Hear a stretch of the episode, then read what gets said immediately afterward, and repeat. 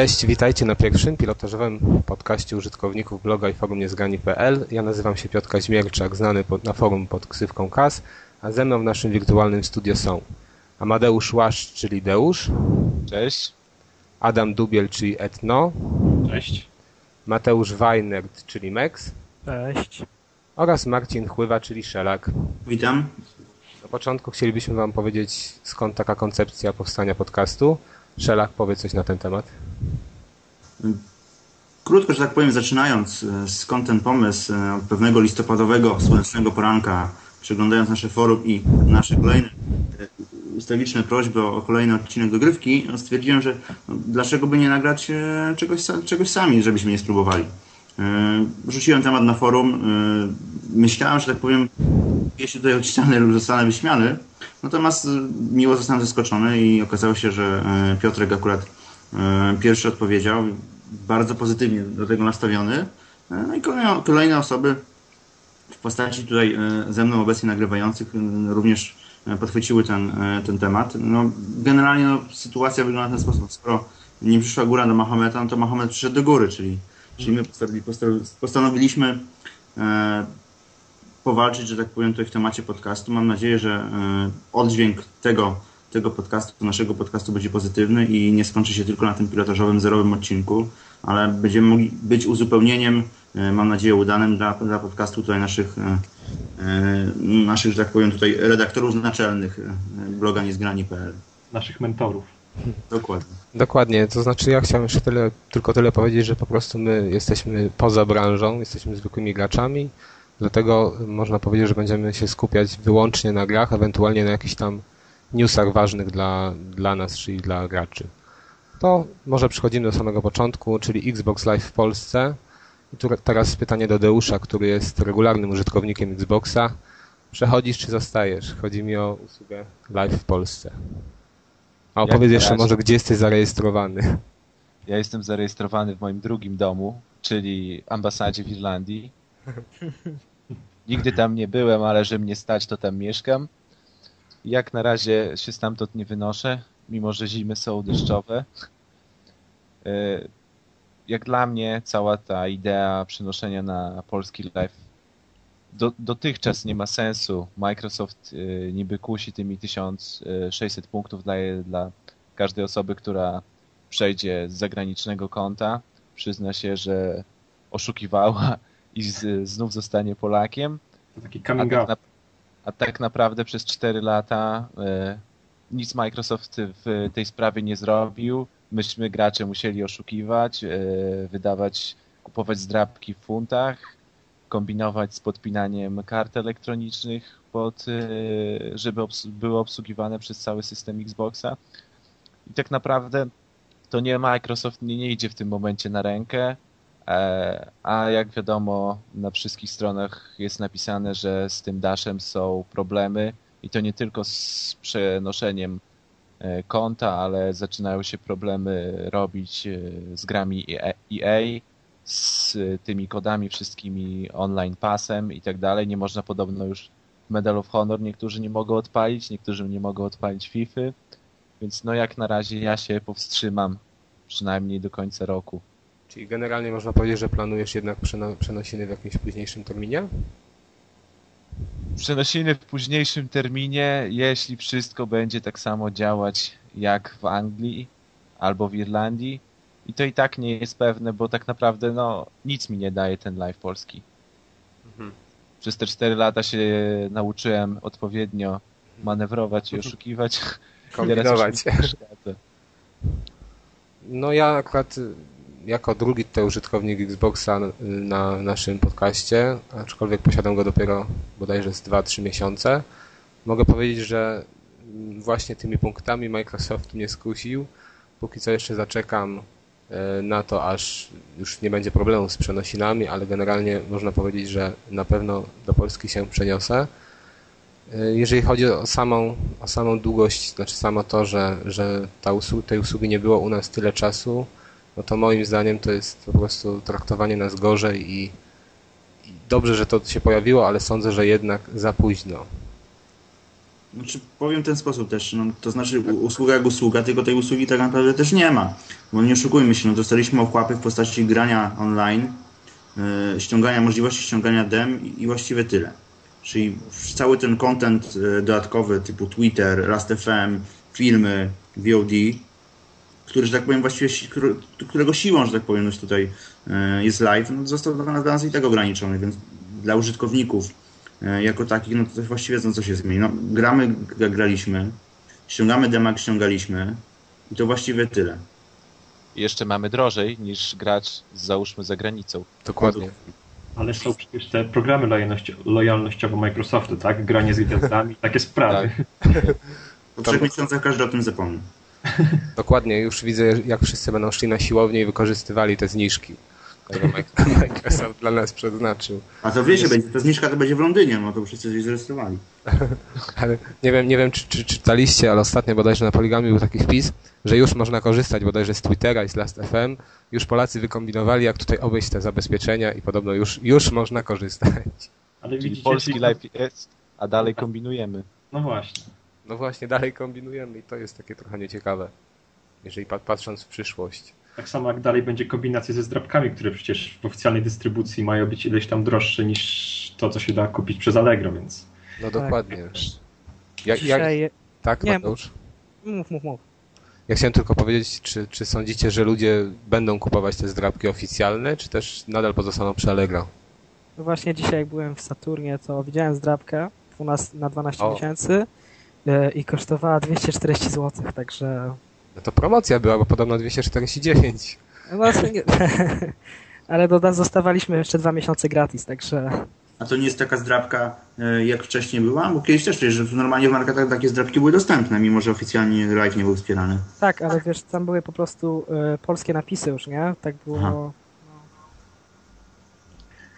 Ale no, z drugiej strony bardzo sobie fajną Microsoft wybrał, znaczy tak, te, te punkty może są drogie dla nas z punktu widzenia graczy, tak. tych hardkorowych, ale przecież teraz tak, wchodzi ten kinek, no i przecież to tylko wiecie, tylko, tylko dla tych graczy niedzielnych są te są te zdrabki w, w Saturnach i to oni to kupią i Microsoft liczy na to, że jednak Kinect się w Polsce sprzeda. Ale ty myślisz, że ludzie, po prostu ci, którzy kupią Kinecta będą chcieli grać yy, na Xbox Live? Ja myślę, że oni nie będą sobie zdawać sprawy do końca z tego, co, co, kupują. Po prostu taki dostaną zestaw, ktoś im powie, że to jest fajne i oni to kupią. Jeżeli kupią na rok, może później przedłużą. Być może, ale właśnie tu Mateusz powiedział, że dwa miesiące mamy za darmo? E, znaczy gratis zostajemy za to, że kupujemy na rok, nie? Ale to w tych zdrabkach z Anglii też masz zwykle zdrabkę za 12 miesięcy i miesiąc Właśnie, gratis. właśnie, no. I przepłacamy tutaj strasznie, nie? No. No, czyli generalnie można powiedzieć, że oceniamy ruch Microsoftu pozytywnie, ale cały ale czas. Negatywnie. Tak, ale też jednocześnie negatywnie, to znaczy nie wszystkie nasze oczekiwania zostały spełnione. No gdyby to było na, na wejściu Xboxa na polski rynek, okej. Okay. Spoko, oferta fajna, ciekawa, wreszcie nas zauważyli. Ale po czterech latach no, Xbox ile jeszcze pociągnie? Mam, no, mam nadzieję, że długo, ale, ale no, 2-3 lata podejrzewam, że w takim tempie, jeżeli będziemy y, te usługi mieli dodawane, no to może Xbox 1020 będzie, że tak powiem, pełni przez Hive'a wspierany w Polsce.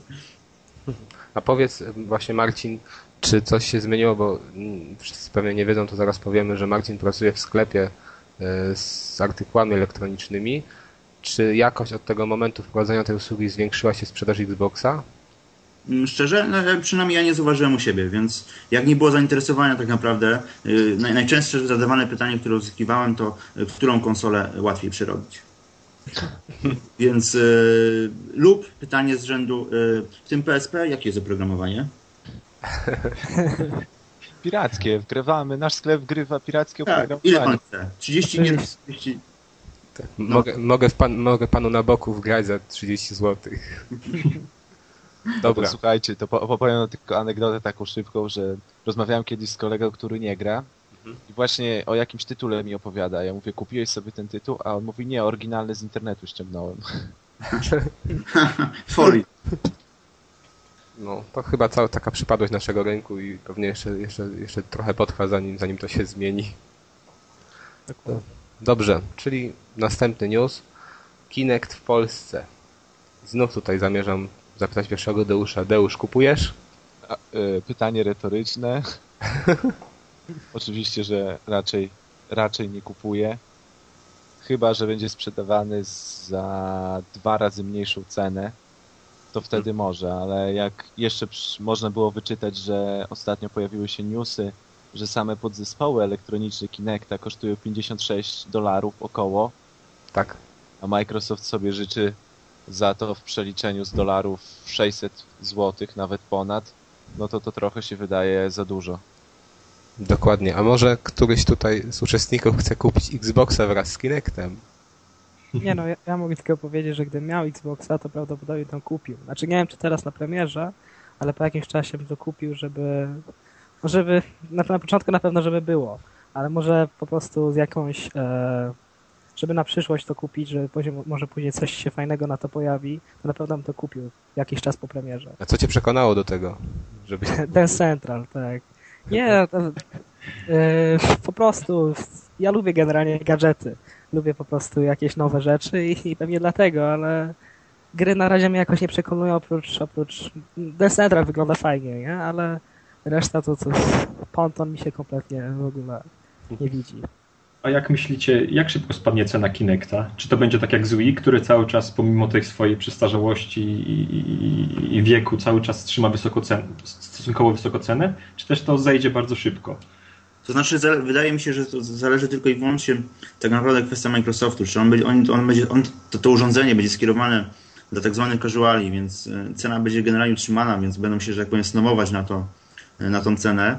E, czy, czy skierują to po prostu do zwykłych graczy. No, zarówno wartość powiedzmy Kinecta, no właśnie, no, 3-4 tytuły w takich cenach półkowych.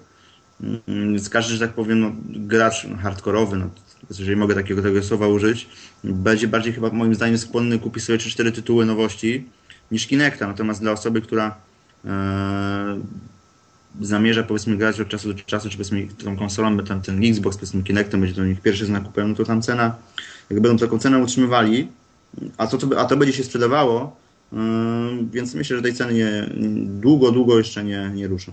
No właśnie też tak sądzę, że po prostu zależy to od sprzedaży.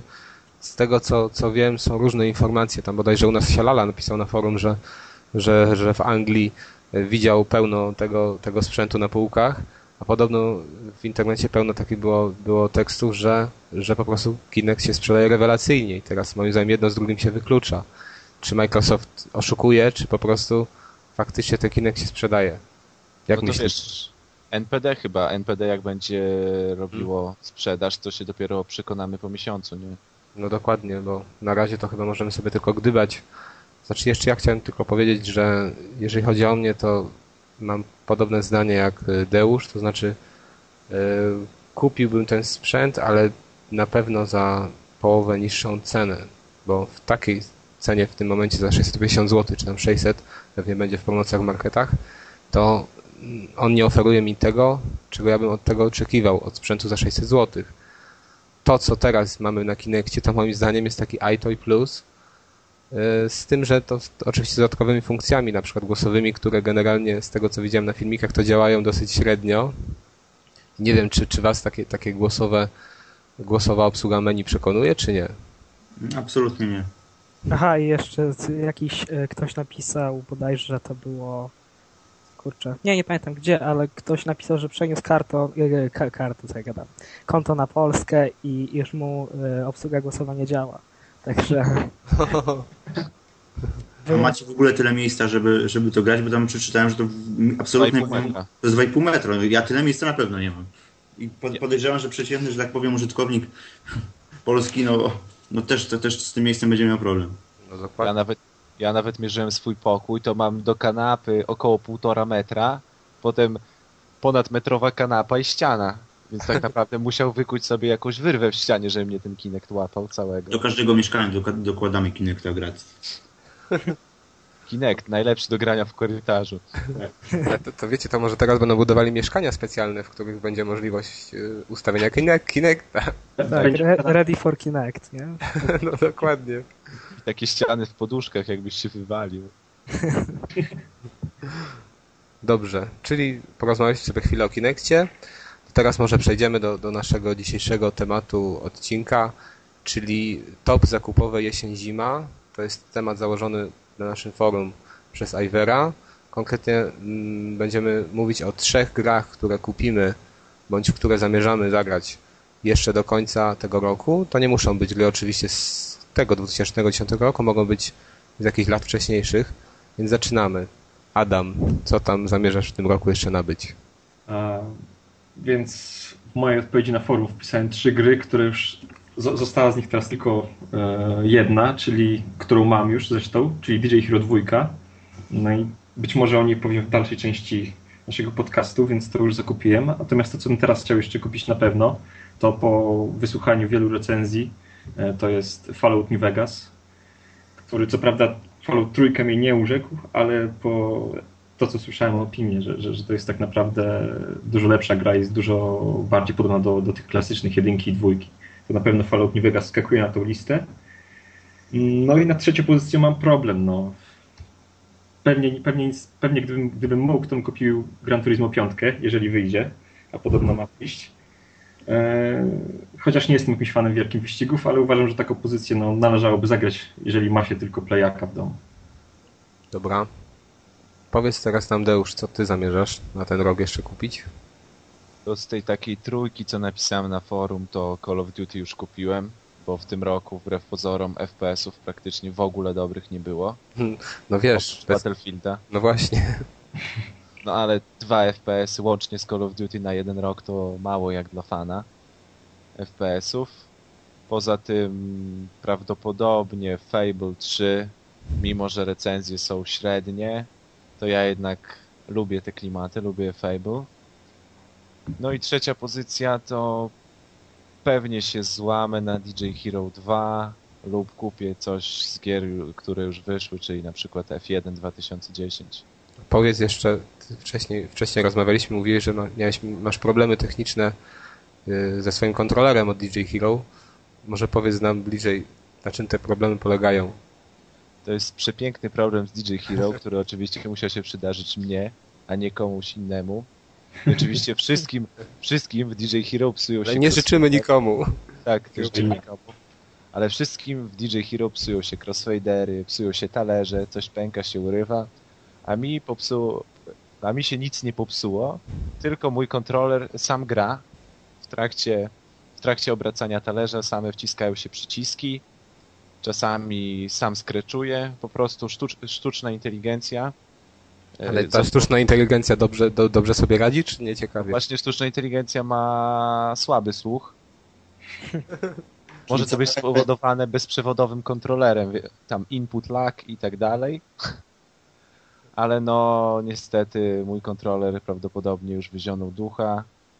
Nie wiem jak tam obejmuje to gwarancja wszystko, ale prawdopodobnie nic z tego nie wyjdzie i więcej nerwów stracę na tym, więc jak za 300 zł to chyba kupię ten nowy kontroler, chociaż też słyszałem, że jakość wykonania nie jest za najlepsza. To znaczy...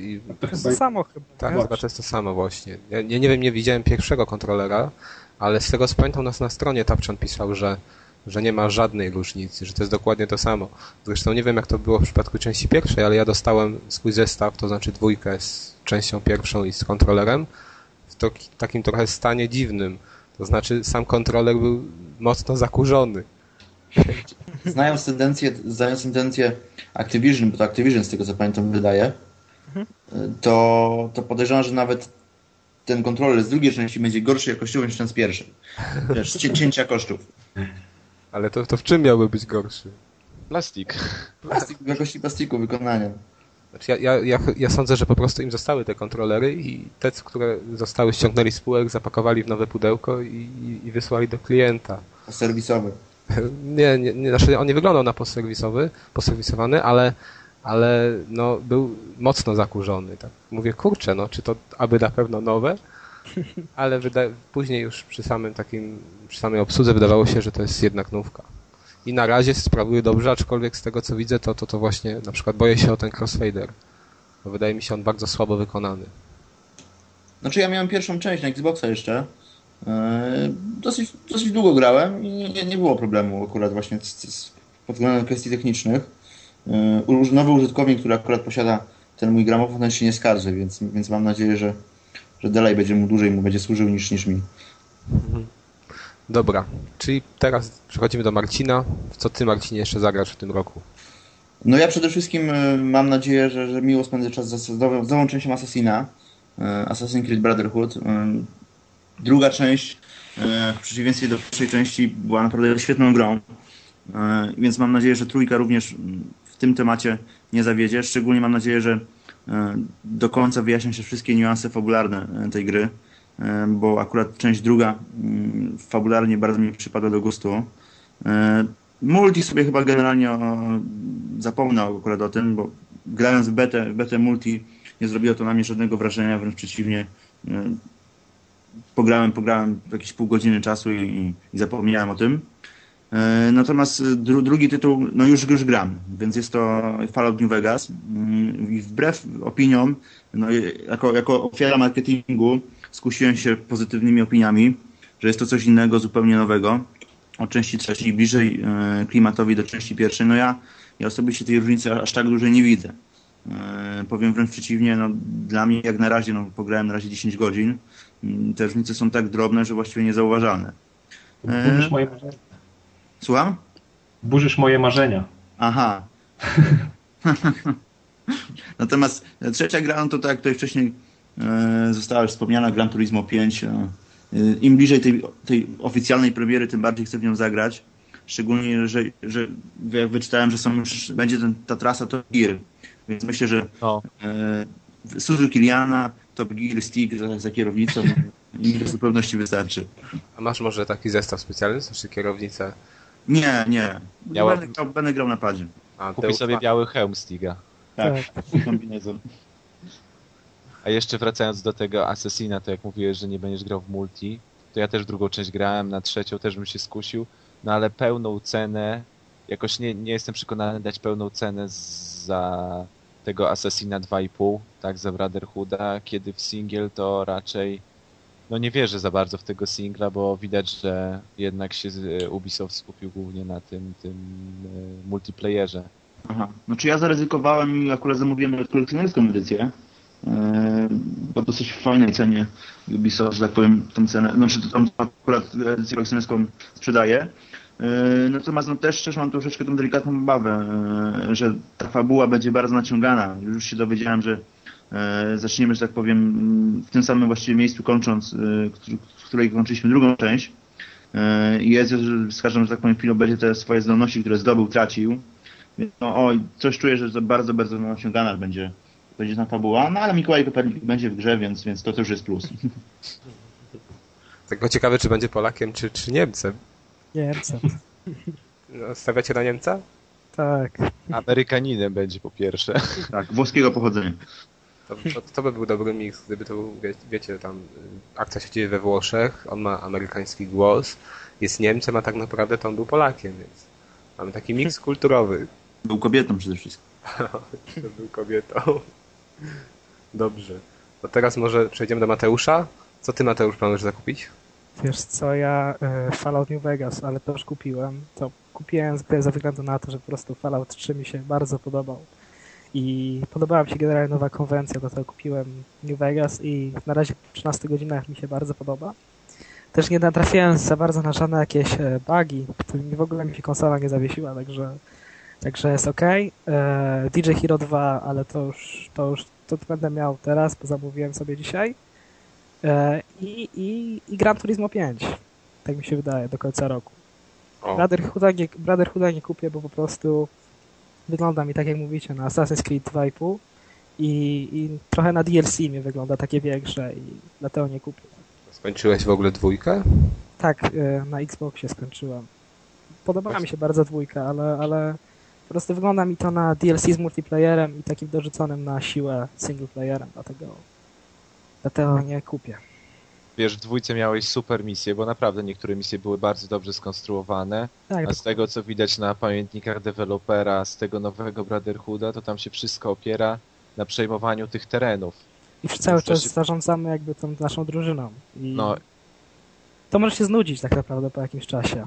No, tak ja się obawiam, ja się obawiam powtórki z rozrywki z pierwszej części, kiedy też rozrywka była oparta na tym samym schemacie cały czas, czyli zbieramy te dowody i zabijamy. I to tak samo to wygląda, że będziemy tylko te wieże palić i wcześniej Właśnie. parę zadań, więc Jeżeli to będzie wyglądać jak pierwsza część, to, to, to w ogóle tego nie, nie opłaca się kupować. Mnie na przykład pierwsza, jedynka bardzo odrzuciła. Właśnie tym, że tą powtarzalnością w rozgrywce. Tak, bo jedynka miała, była piękna gra, graficznie, nie? A już sama gra naprawdę była słaba. Kompletnie mi się nie podobała właśnie nuda i nuda. Także Dokładnie, ja, znaczy może nie, nie do końca, że mogę powiedzieć, że mi się w ogóle nie podobała, ale tam bodajże były trzy czy dwa miasta, już teraz dokładnie nie wiem. Wiem, że skończyłem pierwsze, doszedłem do drugiego i się okazało, że rozgrywka dogla- dokładnie wygląda tak samo jak w pierwszym. W tym momencie podziękowałem. I gry w jakim niestety nie. Tak? nie, mówcie, mówcie, mówcie. Aha, a w jakim okresie historycznym wyobrażacie sobie właśnie następną część? Macie jakieś oczekiwania co, co, co do tego? Ja bym bardzo chciał XIX-wieczną Rosję. Te klimaty. Nawet późny XIX wiek i tuż przed rewolucją takie czasy. Ja Ktoś chyba komiks nawet stworzył. E... Tak, tak. Mm. Jak był ten konkurs taki Tak. ogłoszony na asesinów z różnych epok. Czyli Ja bym sobie widział Assassina w epoce rewolucji przemysłowej. Tak O, jak tak. teraz Fable 3, coś takiego, bo można naprawdę tyle gadżetów wymyśleć, że niesamowity mogłaby być to gra.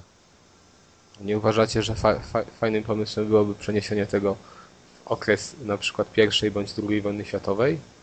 Oj, Ja sądzę, że tak do tego kiedyś dojdzie, jeżeli na przykład będziemy mieli Assassina 4, 5, 6. No Ojeju. wiesz, no wiesz, to, to już trochę za daleko, bo byś dostał pierwszą, lepszą broń i tak naprawdę skończyłoby się twoje ciche zabijanie, asesynowanie, jakbyś dostał naprawdę potężną broń i wszystkich byś ściągał. Ja Dokładnie, i tak w Assassin's Creed, w Assassin's Creed y, drugim to większość wrogów zabijałem rzucając nożami, więc A ja bym cofnął się do, do, do starożytności. O. Gdzieś tam Rzym, Grecja.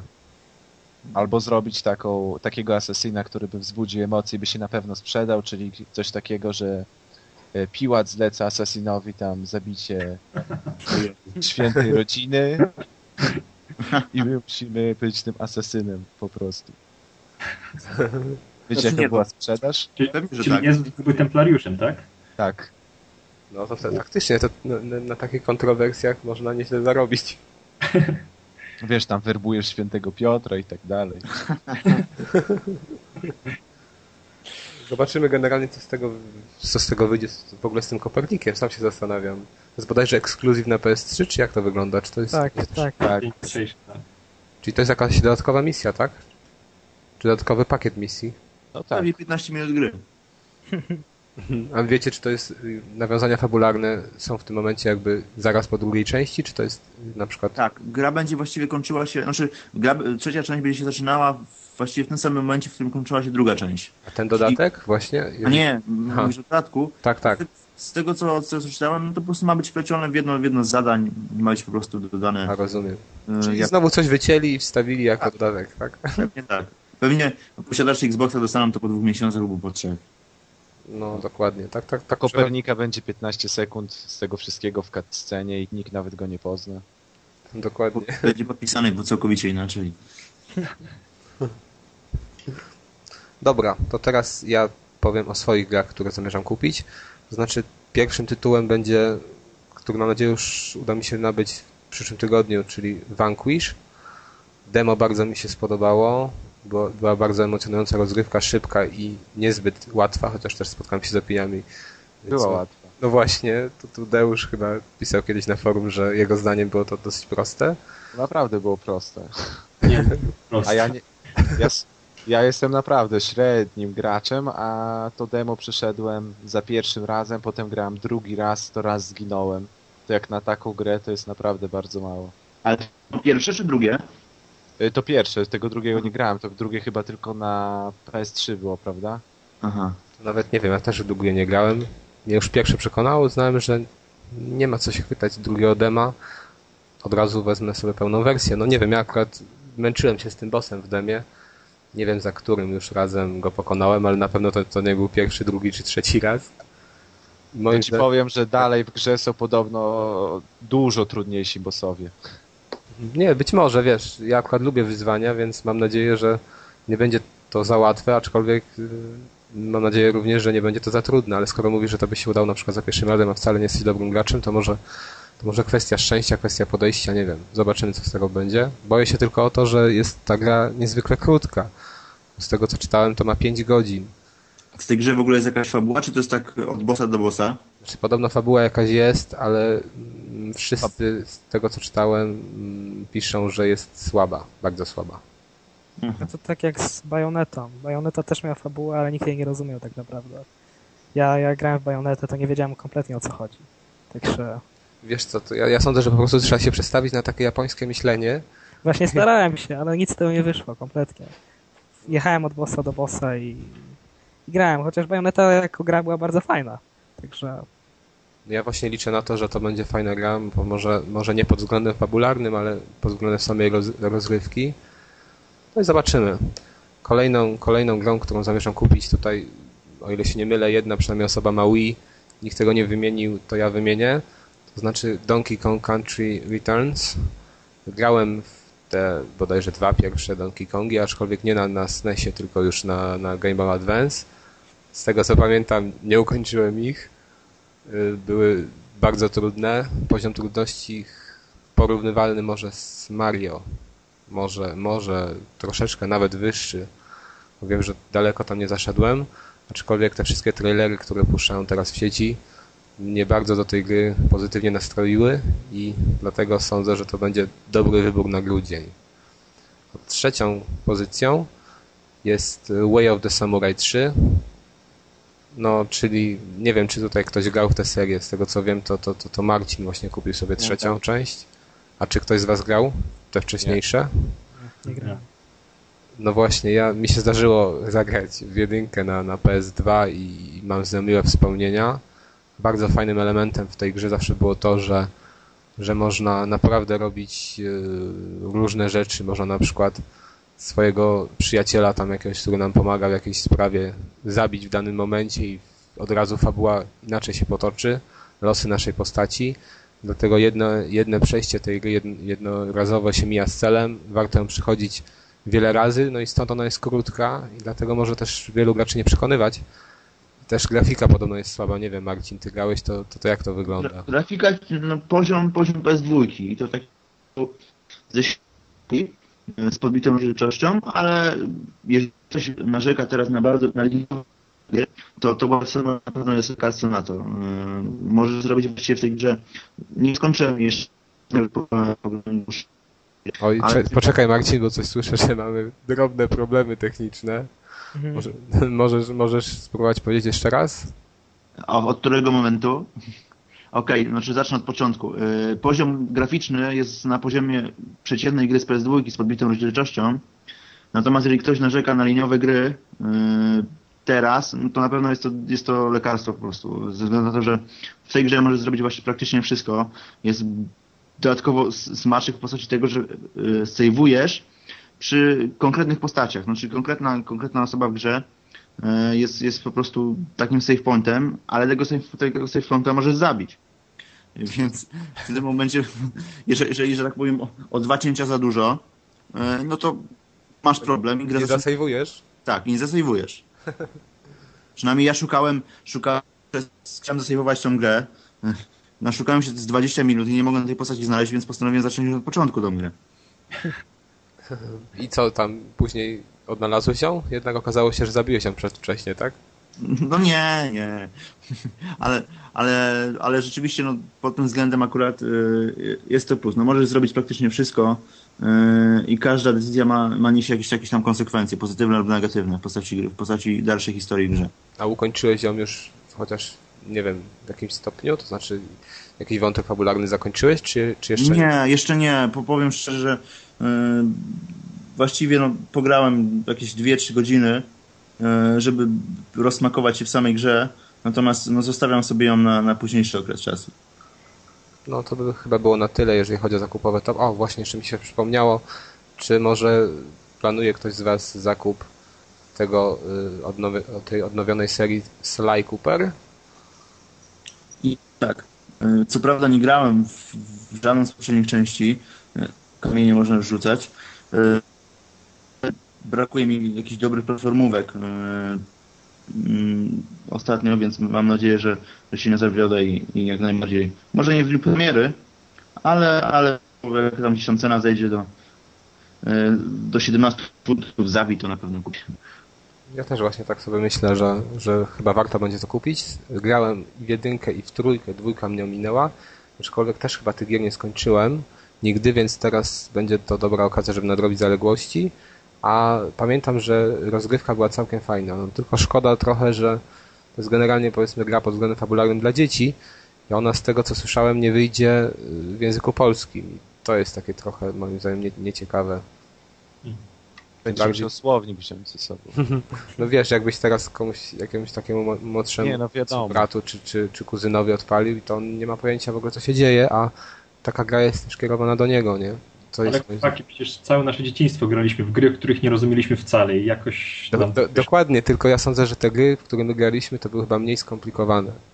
Oj, ja bym się nie zgodził. Mówisz, że nie? nie, ale wiesz, na przykład ja bardzo często grałem w platformówki i z tego co pamiętam, to, to, to tam za dużo nie trzeba było rozumieć. Wystarczyło wiedzieć, że, że start to start i, i szło się w prawo i tyle. Ja jak kiedyś byłem mały i grałem w Wacky Racers jeszcze, no, no. to właśnie kompletnie nie rozumiałem angielskiego i włączałem na czuja. Kiedyś nie tą opcję włączyłem i włączyłem zupełnie inny tryb. I byłem tak przeszczęśliwy, że to ma jeszcze inny tryb grania. No i się grało, e, nie znając języka. Mhm. Dobra, to ja sądzę, że na ten tutaj w tym momencie zrobimy sobie małą przerwę z jakimś tematem muzycznym i wrócimy do Was za chwilę.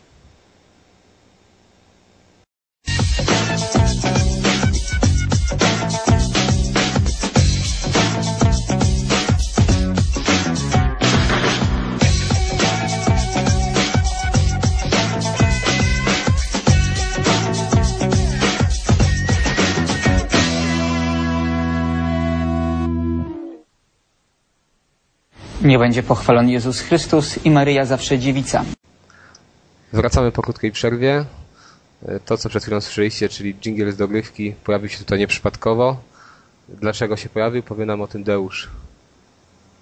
Jingle się pojawił z tego względu, że odkryliśmy aferę, która... W zasadzie ty odkryłeś tę aferę. W zasadzie ja odkryłem aferę, która mniej więcej jest na tym samym poziomie co Watergate i już wczoraj pisał do mnie właściciel Wikileaks o, o pewne materiały, gdyż jingle z dogrywki jest używany również albo ludzie, z, albo nasi redaktorzy z dogrywki używają jingla z programu z telewizji Trwam, Polski Punkt Widzenia. A jak to mówią, gdzie gra jaki jingle, takie, ta, takie są poglądy. Więc jeśli jeszcze ktoś nie słuchał dogrywki, to radzę posłuchać bo wybory samorządowe się zbliżają, więc, więc pewna pomoc może przypłynąć. Trzeba, trzeba będzie ich zlustrować, bo to trochę dziwne, nie? Ale z tego co wiem, to, to tutaj jeszcze Adam mówił wcześniej, że on też słyszał ten, ten jingle jeszcze gdzie indziej, tak? Tak. tak. Z jednym ja odcinku, w jednym z odcinków How I Met Your Mother jest y, impreza w klubie i tam też ten jingle leci w tle. A Mateusz, gdzie to słyszałeś? Wiesz co, ja, ja nie pamiętam dokładnie, ale jakiś filmik, e, jakieś seria na YouTube oglądałem i też właśnie wykorzystywali ten jingle. I w jakimś serialu bodajże, nie pamiętam jakim, ale gdzieś to no, słyszałem. Teraz pytanie, kto, by, kto był pierwszy? Właśnie. No ja myślę, że How I Met Your Mother to było gdzieś 2006 rok, więc chyba byli pierwsi przed dogrywką. No ale kto wie, czy w, na Trwam jeszcze nie było wcześniej. A na Trwam to inna sprawa. A może któryś z redaktorów niezgranych jest również pracownikiem telewizji Trwam.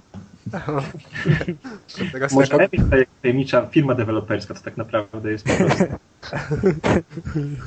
Właśnie, to, to ja pamiętam, że Emil tam nie chciał się pochwalić kiedyś w jakiej firmie pracuje. No. My to odkryliśmy teraz. Teraz to już nie ma wyboru chyba. Ojciec, ojciec dyrektor pracuje nad nową grą. Symulator Maybacha. Na Kinecta. Oj, na Kinecta. Dobra. Czyli tutaj, jak słyszeliście, będziemy, będziemy przysłuchiwać jeszcze innym podcastom i wynajdywać takie, takie różne, różne rzeczy, więc możecie się nas bać. A w tym momencie... Jeszcze, tak? Jeszcze tu wrócimy. Je, jeszcze tu wrócimy. A w tym momencie przechodzimy do, do, do chyba najważniejszego działu naszego podcastu, czyli w co ostatnio grałeś? Pierwsze pytanie, do Adama. W co ostatnio grałeś? E, więc taką grą, którą ostatnio najwięcej czasu spędziłem jest DJ Hero 2, a gdzieś na początku września kupiłem sobie część pierwszą, no i tak mi się spodobała, że postanowiłem jak najszybciej po premierze kupić część drugą. I takie wrażenia po przejściu mniej więcej połowy trybu tego kariery, czy jak to się nazywa w grze Empire, są takie, że przede wszystkim jest to gra lepiej wykonana. Czuć dbałość o szczegóły w dwójce, czego no jedynka, jak się patrzy chociażby na, na wygląd menu, czy na estetykę później e, w czasie gry, mm, no to pozostawia trochę do życzenia, tam jakieś piksele różne widoczne nawet, więc to na dzień dzisiejszy to w ogóle jest poniżej jakichś standardów. No to więc dwójka od razu tak widać, że ktoś nad nią dłużej popracował. A teraz taka kolejna kwestia to jest e, dosyć subiektywna, ale moim zdaniem jest lepsza muzyka w dwójce. Nie słucham takiej muzyki na co dzień, wiadomo, ale, ale do gry i do... Gdyby tą grę postawić na imprezie, to myślę, że by się sprawdziła dużo lepiej niż jedynka. Jest taka, taka trochę może bardziej, nie wiem, popowa. Um, Mo można tańczyć pewnie. Tak, pewnie, no właśnie są te też y, połączenie chyba, też ja z tego nie, nie, korzystałem, ale jest zamiast połączenia z gitarą, jak to było w jedynce, czy to mamy tutaj możliwość dołożenia mikrofonu, natomiast nie korzystałem z tego, więc nie wiem jak to działa w praktyce. Jest, y, znaczy, o ile jedynkę gram, znaczy w obydwie gry na hardzie i o ile jedynkę przeszedłem na hardzie praktycznie bez problemu, oprócz tych kilku ostatnich kawałków, gdzie no, tylko chyba w jednej piosence miałem pięciu gwiazdek, natomiast w dwójce już jestem tak właśnie jak doszedłem do połowy tej kariery, to zdarzają się kawałki, które muszę powtarzać dwa, trzy razy, żeby e, je zmaksować na pięć gwiazdek, więc jest, na pewno jest trudniejsza, kurde. To już pode mnie było widać, że e, te nutki zapierdzielają szybciej i też prowadzono parę nowych ruchów, e, które znacznie utrudniają rozgrywkę. A powiedz jeszcze, czy tam, tam wprowadzono bodajże taki tryb, że możesz w pewnym momencie freestylować sobie. Tak. Jak, to się, jak to się sprawdza? No właśnie, chciałem powiedzieć, że to jest świetna sprawa, bo przede wszystkim tak jak jeżeli ktoś grał w jedynkę, to pamiętam, tam były takie miejsca, gdzie można było naciskać e, czerwony przycisk i, tak, tak. I, i, i, był... Bzyczki się odpalały. Tak, tak, tak, jakieś tam jingle wchodziły, no, które w ogóle nie miały się nijak do piosenki, jakieś tam z góry ustalone rzeczy, które w ogóle nie pasowały i to było moim zdaniem strasznie słabe, więc z tego wcale nie korzystałem. Natomiast tutaj to jest fajnie zrobione w dwójce, że to są po prostu kawałki mm, tej piosenki, którą gramy, odpowiednio dobrane i zależne od miejsca, więc to bardzo fajnie się wplata w, w to, co gramy i po prostu chce się tego używać, nie? E, dalej też są te, te freestyle na Scratchu, które no moim zdaniem są średnio danym pomysłem, no ale, ale są. I najfajniejsza część, czyli freestyle na crossfaderze, kiedy po prostu samemu dobieramy, czy gra jedna ścieżka, druga ścieżka, czy obydwie naraz i możemy tam sobie dowolnie to wszystko miksować i to, to brzmi najfajniej i często jest w takich bardzo fajnych momentach, kiedy no też, jeżeli gra się na normalu, bo na hardzie już jest trochę ciężej, bo tam dochodzą też trzeba naciskać na przyciski i nie ma czasu na przełączanie, no ale na normalu to bardzo fajnie się sprawdza, więc to jest, to, to jest w ogóle świetna innowacja. E, no ale a, no i właśnie, jeszcze najważniejsza rzecz to jest, jest dużo lepsza jakość dźwięku, bo w jedynce, y, jak zacząłem grać, nie wiedziałem, co się dzieje, bo głośniki mam całkiem fajne, porządne, nie te bzyczki z telewizora, y, a w ogóle nie czułem basu w tych piosenkach i coś tam sobie regulowałem, coś próbowałem podbijać, nie wiedziałem o co chodzi. No i, i doszedłem do wniosku, że tylko kiedy włączamy tryb euforii w jedynce, y, ta, ten dźwięk gdyby się poprawia, nabiera, nabiera takiej, nie wiem, życia jest bardziej dynamiczny i, i, i, głęboki. Natomiast w dwójce już zrezygnował i myślę, że to było zrobione specjalnie. Natomiast w dwójce na szczęście zrezygnowali z tego zabiegu i teraz muzyka cały czas brzmi tak, jak powinna. Więc to jest bardzo, bardzo duża zmiana. A... Jeszcze, jeszcze ja mam takie pytanie, bo też przez chwilę, dosłownie parę kawałków, może z dwa, trzy mm, ograłem w DJ Hero 2. Z tego co wiem, mamy siebie na liście znajomych, ty przebiłeś mój wynik, ale tam powiedz jak to jest naliczane, nie? Bo on tak dziwnie A, nalicza te punkty. No właśnie, właśnie, więc najpierw jeden, jeden plus jeszcze, czyli to, że jest taki, powiedzmy, że taki uboższy krewny autologa, czyli że widzę wyniki, kiedy gram jakiś kawałek, widzę wyniki ludzi z mojej listy znajomych, którzy grają w ten sam kawałek i no jest jakaś motywacja, żeby ich tam pobić. Natomiast co jest słabe w tym, no to, że z tego, co czytałem i z tego, co, co sam odczuwam, z doświadczenia wynika, że e, nieporównywana jest ilość zdobytych punktów w piosence, tylko ilość zdobytych gwiazdek. Czy jakieś procentowe, jakiś taki wskaźnik procentowy, czyli niezależnie od tego, na jakim poziomie trudności gramy, no to zawsze jest, nie jest porównywana ilość punktów, tylko jest porównywane ile procent z tej piosenki zdobyliśmy. Więc jeżeli ktoś grał na easy, to ja spokojnie może sobie zrobić 100%, a ktoś, kto grał na hardzie, dojdzie do, do 50%, a ich wyniki są da, dalej zestawiane razem, więc no, w ogóle taka rywalizacja nie ma sensu. No. Więc teraz poczekaj, ja sobie włączę na tryb easy. No, nie, wszystkie mi rekordy pobijesz. Dokładnie. Nie, ale tak z tego, co też y, Tapczan chyba mówił, wynika, że właśnie podczas gry online jest to też dziwnie naliczane, że on grał podobnie z jakimiś przeciwnikami, nie wiem, czy ty grałeś, i w tym momencie, powiedzmy, dany przeciwnik miał tryb easy włączony, a y, ten Tapczan miał y, na przykład hard i dokładnie liczyło, liczyły się te gwiazdki, nie? Czyli no znowu właśnie. zestawiało te, te, te dwa poziomy. To jest bez sensu, no ale... Czyli trzeba grać ze znajomymi, którzy nie będą oszukiwać. Bo tam nie ma nigdzie, nie? Powiedz w tych wynikach takiego na przykład wyjaśnienia, nie. że to jest zdobyte na easy, to na hardzie, nie? Nie, nie, nie. Nic takiego w czasie gry, kiedy widziałem jakieś wyniki znajomych, to nic w tym stylu nie ma. Po prostu jest zaznaczone, ile zdobyłeś. No i to jest, to jest słabe. I to też dalej przy...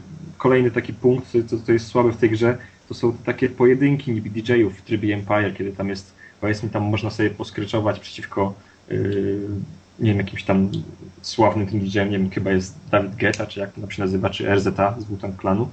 Riza. Słucham? Riza, się czyta Riza. Okej, okay, sorry, ja wiesz. No, dzięki za, dzięki za poprawienie. Yy no, te pojedynki są słabe dlatego, że tak właściwie zagrałem ich chyba już, nie wiem, ze 3 czy ze 4 i dotąd nie wiem, jak właściwie się naliczają te procenty tych, tych, tych ścieżek, czy te punkty, jak to jest tak właściwie porównywane, że ja sobie coś gram, widzę, że obok mnie ten, ten mm, sztuczna inteligencja też tam czasem nie trafia, ale właściwie dopóki nie pokaże mi wyniku, to ja nie mam pojęcia, czy ja miałem szansę z nim, czy przegrałem, czy wygrałem, więc no, powinni, mam nadzieję, że może jakiś patch mógłby to poprawić, żeby zamiast tych procentów i jakichś dziwnych wskaźników, żeby to, to po prostu porównywało punkty i każdy wie, ile punktów zdobył, to wszystko widać na bieżąco. Ale wiesz co, w tym nowym Guitar Hero jest dokładnie tak samo, także...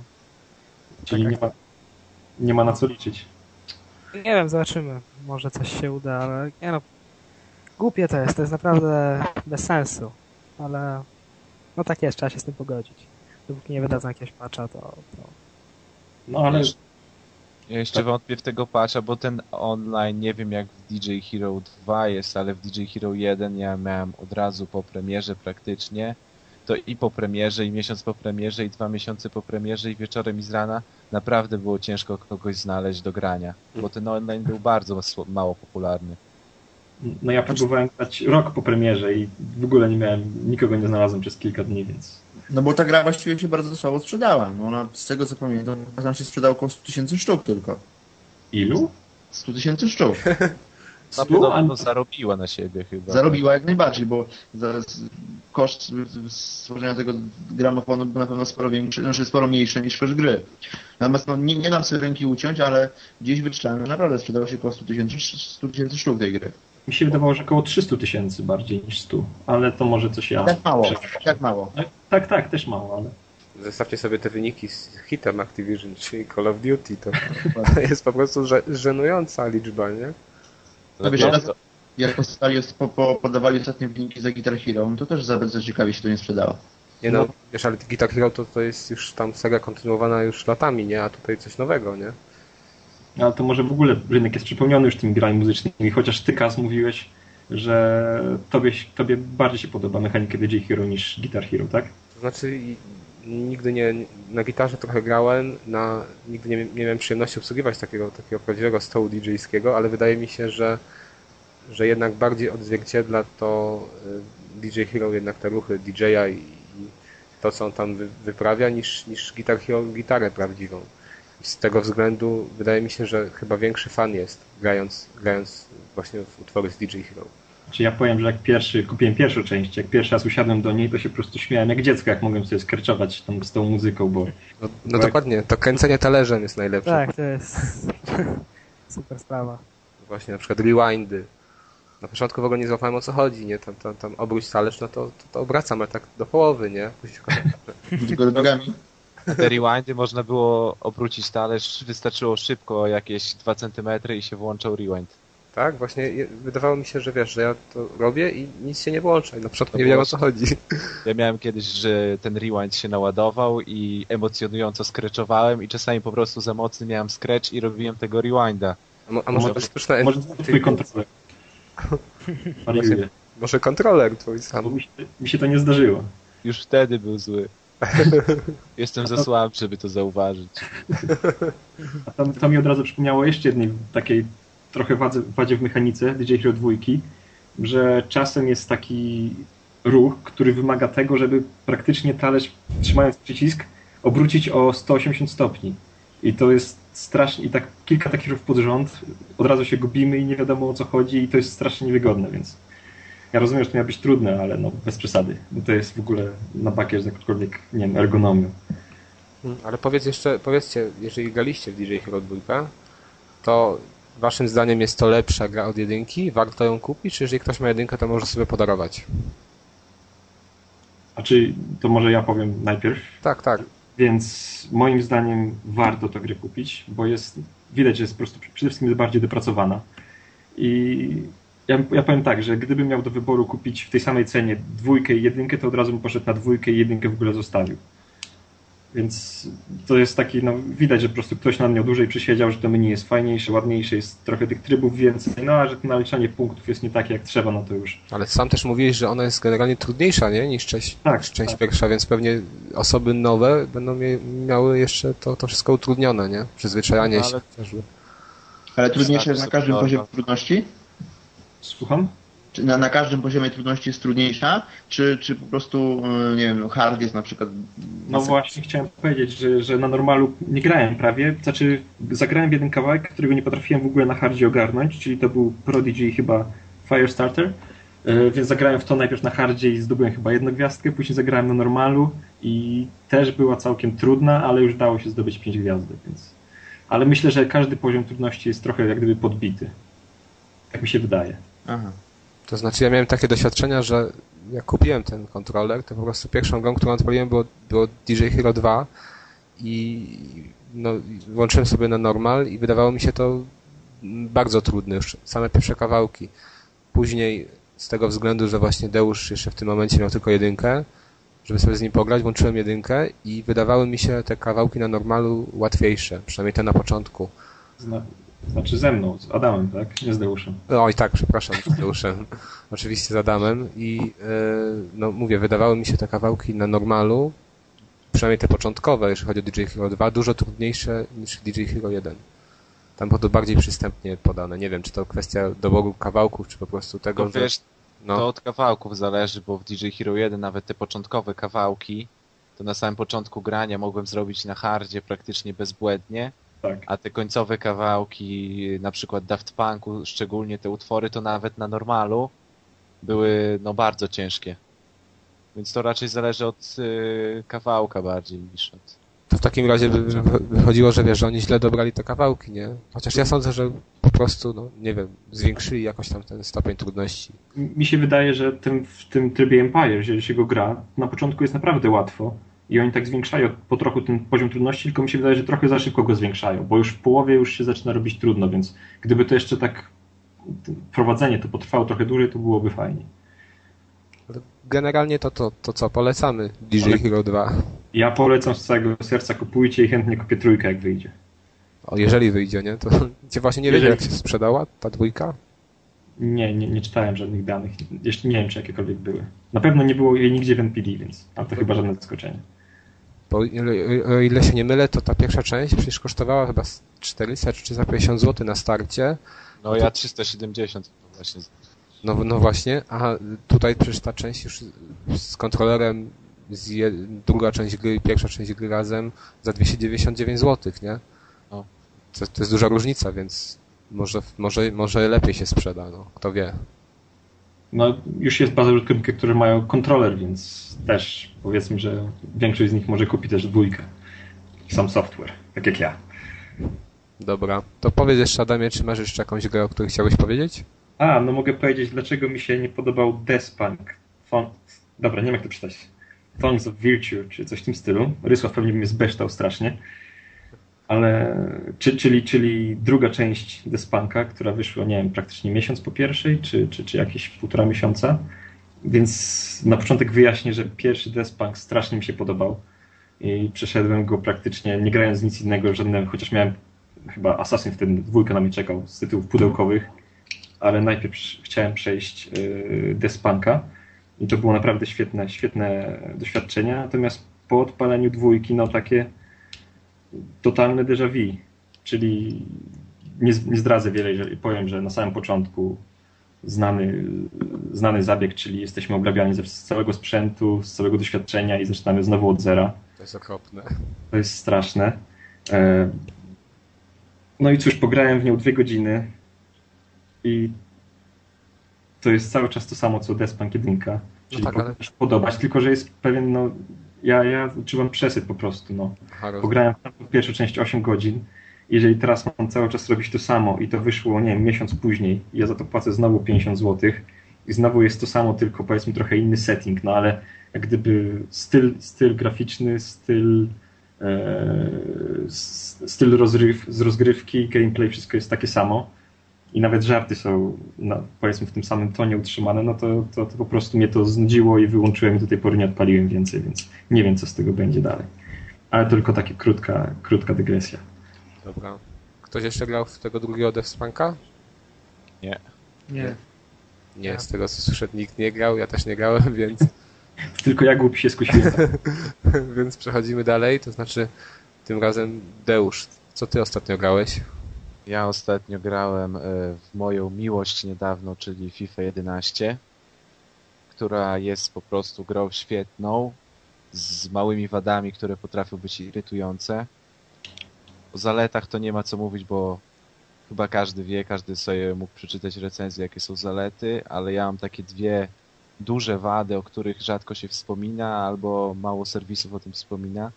To pierwsze, co mnie irytuje, to siła podań, szczególnie dolnych podań, które jak ktoś gra w piłkę, to wie, że zawodowi piłkarze potrafią podać przez całą szerokość boiska dolną piłkę, a w FIFA tego nie potrafią lub robią to, a sprawia im to taki wysiłek nie, niemiłosierny, e, jakby nie wiem co robili. I drugą taką ogromną wadą, która też mnie irytuje, a ja się szybko potrafię zirytować jak gram, to są spalone, które są gwizdane jakby wbrew zasadom. Bo w piłce nożnej, jeżeli spalony jest tylko wtedy, kiedy piłka dojdzie do zawodnika, który stał na spalonym. A jeżeli piłka jest do, podawana do innego zawodnika lub ten zawodnik nie dojdzie lub przejmie obrońca, to wtedy sędzia nie gwizdże. To znaczy, wiesz co, ja, na chwilę tutaj się wtrącę, ale z tego co ja wiem, to jeżeli nawet y, piłka jest kierowana do jakiegoś tam zawodnika, drugi stoi na pozycji spalonej i angażuje tym samym obronę bądź bramkarza, to też jest gwizdany spalony. Nie, no tak, ale jak nie bierze w ogóle udziału w akcji, bo czasami e, uciekają po prostu. Wiesz, stoisz a, na spalonym, jest akcja, a specjalnie uciekasz, nie bierzesz udziału w akcji, żeby sędzia nie zagwizdał. Albo na przykład e, bramkarz po prostu złapie piłkę, albo obrońca przejmie. Mhm. A jak jest szybkie tempo grania, to mnie to strasznie te spalone irytowały. No i to takie dwie wady, które ja mam, a tak to cała gra jest e, świetna. Zaletą jest też ubogi autolog, który się wyświetla w menu w prawym górnym rogu, fastest goal i tak dalej. I to też mnie motywowało i przez godzinę próbowałem strzelić dwie sekundy gola na arenie i w końcu mi się udało. I jeszcze, a i kolejną jeszcze wadą, tak wadą. To nie jest wada, bo Ultimate Team w tym roku jest za darmo, wszyscy piszą, że jest to zaleta, ale nie widzę idei grania w ten, e, w Ultimate Team, kiedy zaczynam graczami, których w ogóle nie znam, którzy mają umiejętności na poziomie 60 i muszę pograć kilka godzin, żeby zebrać jakąś porządną drużynę. No a w FIFA granie tymi słabymi graczami to jest po prostu masakra, nic się nie da zrobić. Deusz, powiedz takie pytanie, które chyba wszyscy zdają przy FIFA 11. Jak się gra bramkarzem? Grałeś? Y, grałem bramkarzem, mam nawet achievement za cały sezon bramkarza. O Jezus. o, o Jezus, powiem tak, że e, bramkarzem jest granie tak nudne, że w pewnym momencie, kiedy wiedziałem, że moja drużyna jest dużo lepsza niż drużyna przeciwna, to sobie przełączyłem, przełączyłem wyjście i oglądałem telewizję. I tylko coraz klikałem A, tak przy okazji, że jakby musiał wybić jakiś rzut e, e, z rzutu rożnego czy coś.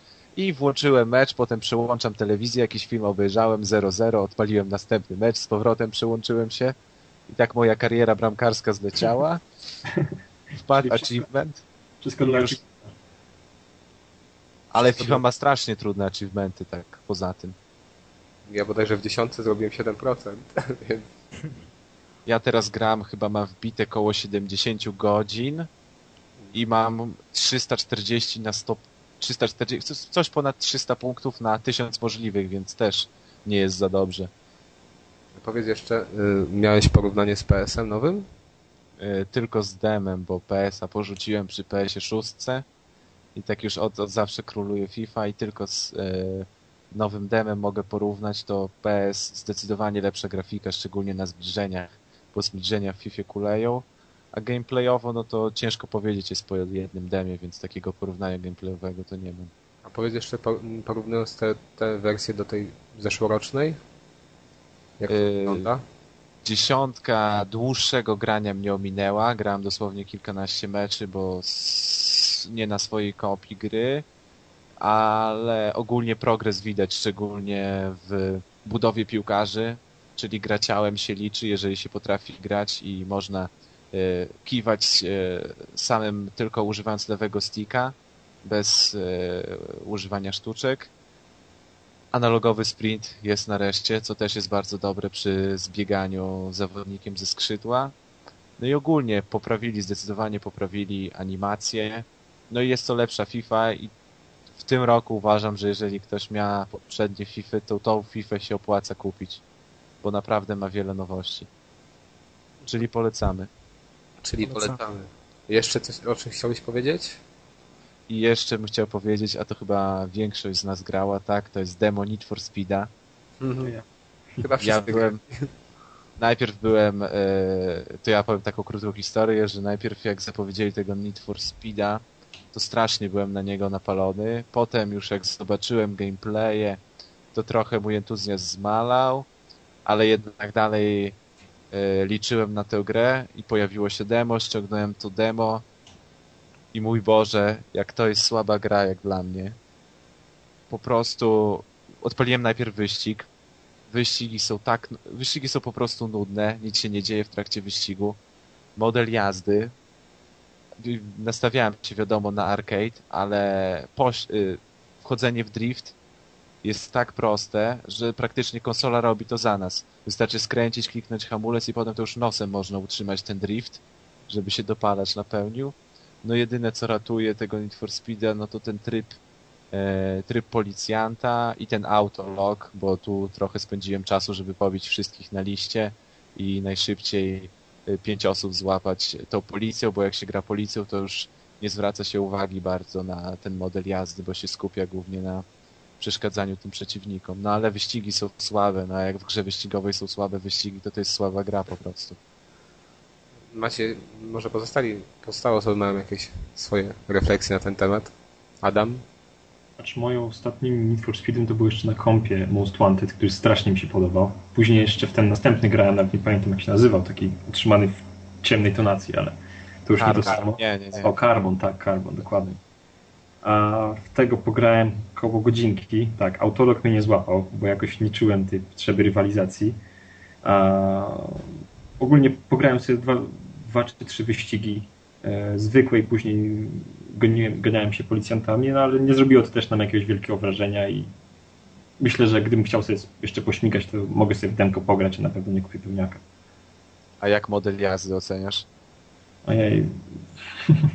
No jak mówiłem, że moimi tymi ulubionymi z Need for Speed to był Most Wanted i tak dalej, więc dla mnie model jazdy jest w porządku, właśnie taki prosty, arcade'owy. Co do tego nie mam żadnych tych zażaleń. Tylko przydałoby się właśnie takie coś, taka obudowa, jak było to w Most Wanted, czyli to tam kupowanie samochodów, jakaś historia, takie sprawy. Co to było? Ktoś paczkę pakuje. Nie wiemy, co to było. Dobra, Mateusz? Sorry, to ja poruszyłem klapę od monitora w laptopie, więc to pewnie to. Mateusz, a ty coś chcesz? Ja, ja może tylko krótko wspomnę, że pierwszy raz jak włączyłem do demo, to po prostu pierwsza myśl to było, że ścigam się jakimiś tirami czy czymkolwiek. Było straszne, ale wywa... chciałem już to wywalić, ale zacząłem, że jest takie coś właśnie jak Autolog i wróciłem z powrotem do tego dema. E, pojeździłem, trochę pojeździłem, ale nie no, gra mi się w ogóle kompletnie nie podoba. Zgrałem w nią tylko z powodu Autologa, ale jak zacząłem, że moi znajomi mają czas 20 sekund lepszy ode mnie, to odpuściłem. I e, dla mnie generalnie najlepszym Need for Speedem był Porsche, także nigdy mi się nie bardzo nie podobały te wszystkie Most Wanted, y, Undergroundy i Carbony. Także, także Hot, Hot Pursuit na pewno nie kupię i, i to jest słabe, po prostu nie podobało mi się.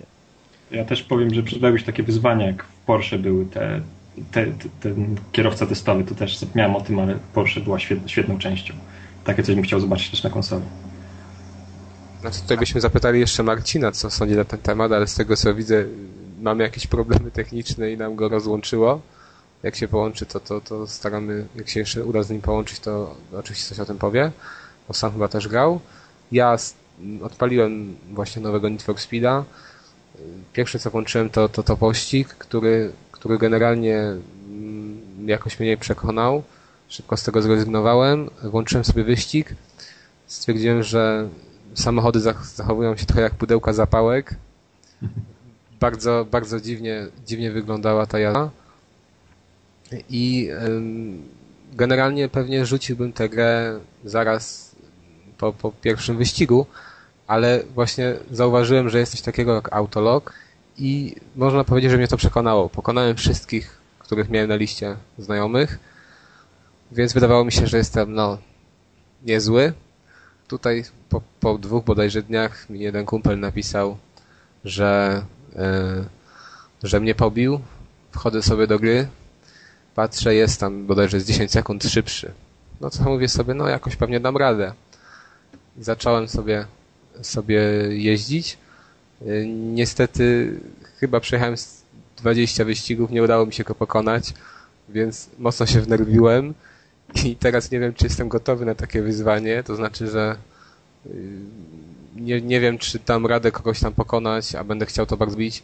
Na końcu tak się na tą grę, że rzucę tym pudełkiem, więc można powiedzieć, że Autolog jednocześnie mnie przekonał, ale z drugiej strony odstraszył. Teraz do końca nie wiem, czy, czy warto po to sięgać. Pewnie kiedy, kiedyś tam zagram, kiedyś kupię pełną wersję, ale sądzę, że chyba jeszcze nie teraz. Ale w tym momencie, jeżeli kupisz pełną wersję późno, to już nikt nie będzie grał, nie będzie autologa, nie będzie wyzwania. Znaczy, no, no właśnie to jest, to jest ta kwestia, nie? Że właśnie się zastanawiam, ale sądzę, że już po tym demie się wystarczająco dużo razy wkurzałem, gdy zaczynałem wyścig chyba, nie wiem, no z pięć razy od początku za co chwilę i dlatego zobaczymy, co będzie dalej. Powiedz Deusz, coś jeszcze? Coś jeszcze grałeś? Nie, ale a propos tego autologa, to nie wiem jak to jest na PSN-ie, ale to co mnie irytuje, to jak ma, miałem zainstalowane to demo, mhm. to ten autolog y, sam przysyłał mi prywatne wiadomości y, na moje konto, że mhm. załóżmy y, ktoś tam, ktoś tam pobił tego i tego i odpalałem Xboxa i dziewięć nowych wiadomości, wszystkie z autologa.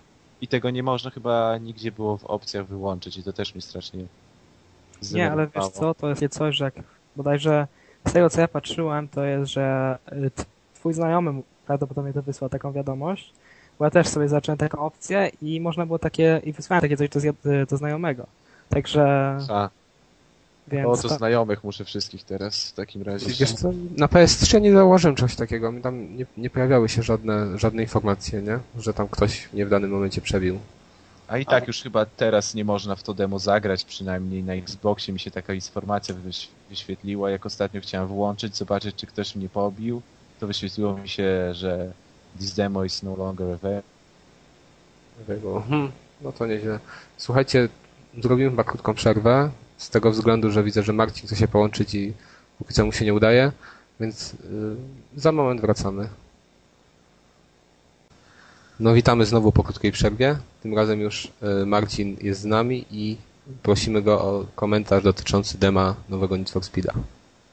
Mm komentarz będzie dosyć krótki. Ja pograłem chwilę jakieś 3,5 godziny. Powiem szczerze, nie wiem, bo nie słyszałem teraz waszych opinii, ale sama gra tak żadnego wrażenia pozytywnego na mnie nie wywarła. Grałem nawet na demo na PS3, więc mm, graficznie tak sobie, by nie powiedzieć ohydnie, to wyglądało. Natomiast no, przebnąłem, pościgałem się, pościgałem się i tyle. No, na pewno na pewno nie kupię w tym w a czy kupię w ogóle, no to też ciężko by powiedzieć. No Shift mi się bardziej podobał zdecydowanie. Był też, że tak powiem, pierwszy tytuł, pierwszy, że tak powiem, Need for Speed, który mi się dosyć dawno podobał. Więc no, tą nową część, no, nie podoba mi się to, powiem szczerze, jakoś wrażenia pozytywnego na mnie to nie zupełnie nie wywarło. No to wiesz co, to, to tutaj komentarze innych też były podobne dosyć, w podobnym tonie, czyli generalnie można powiedzieć, że nie polecamy, ewentualnie ja przynajmniej poczekam chyba na, na to, aż cena poleci w dół.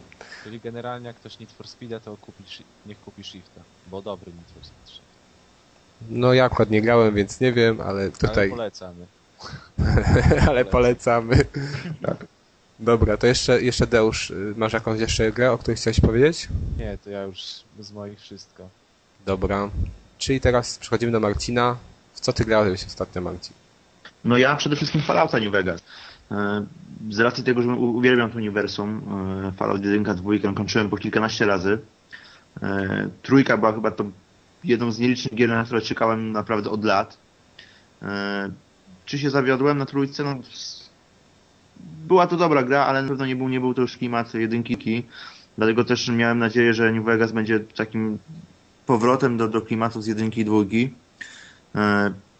Pierwsze, pierwsze, tak powiem, pierwsza moja reakcja no to było o Boże, jak to wygląda, bo znowu, że tak powiem, korzystali z tego samego silnika graficznego, co w przypadku Fallouta trójki, no i od razu pierwsze 15 minut gry i trzy zwiechy systemu. Raz, raz się, tak powiem, konsola zawiesiła, drugi raz postać gdzieś tak, tak stanęła, że nie można było przejść.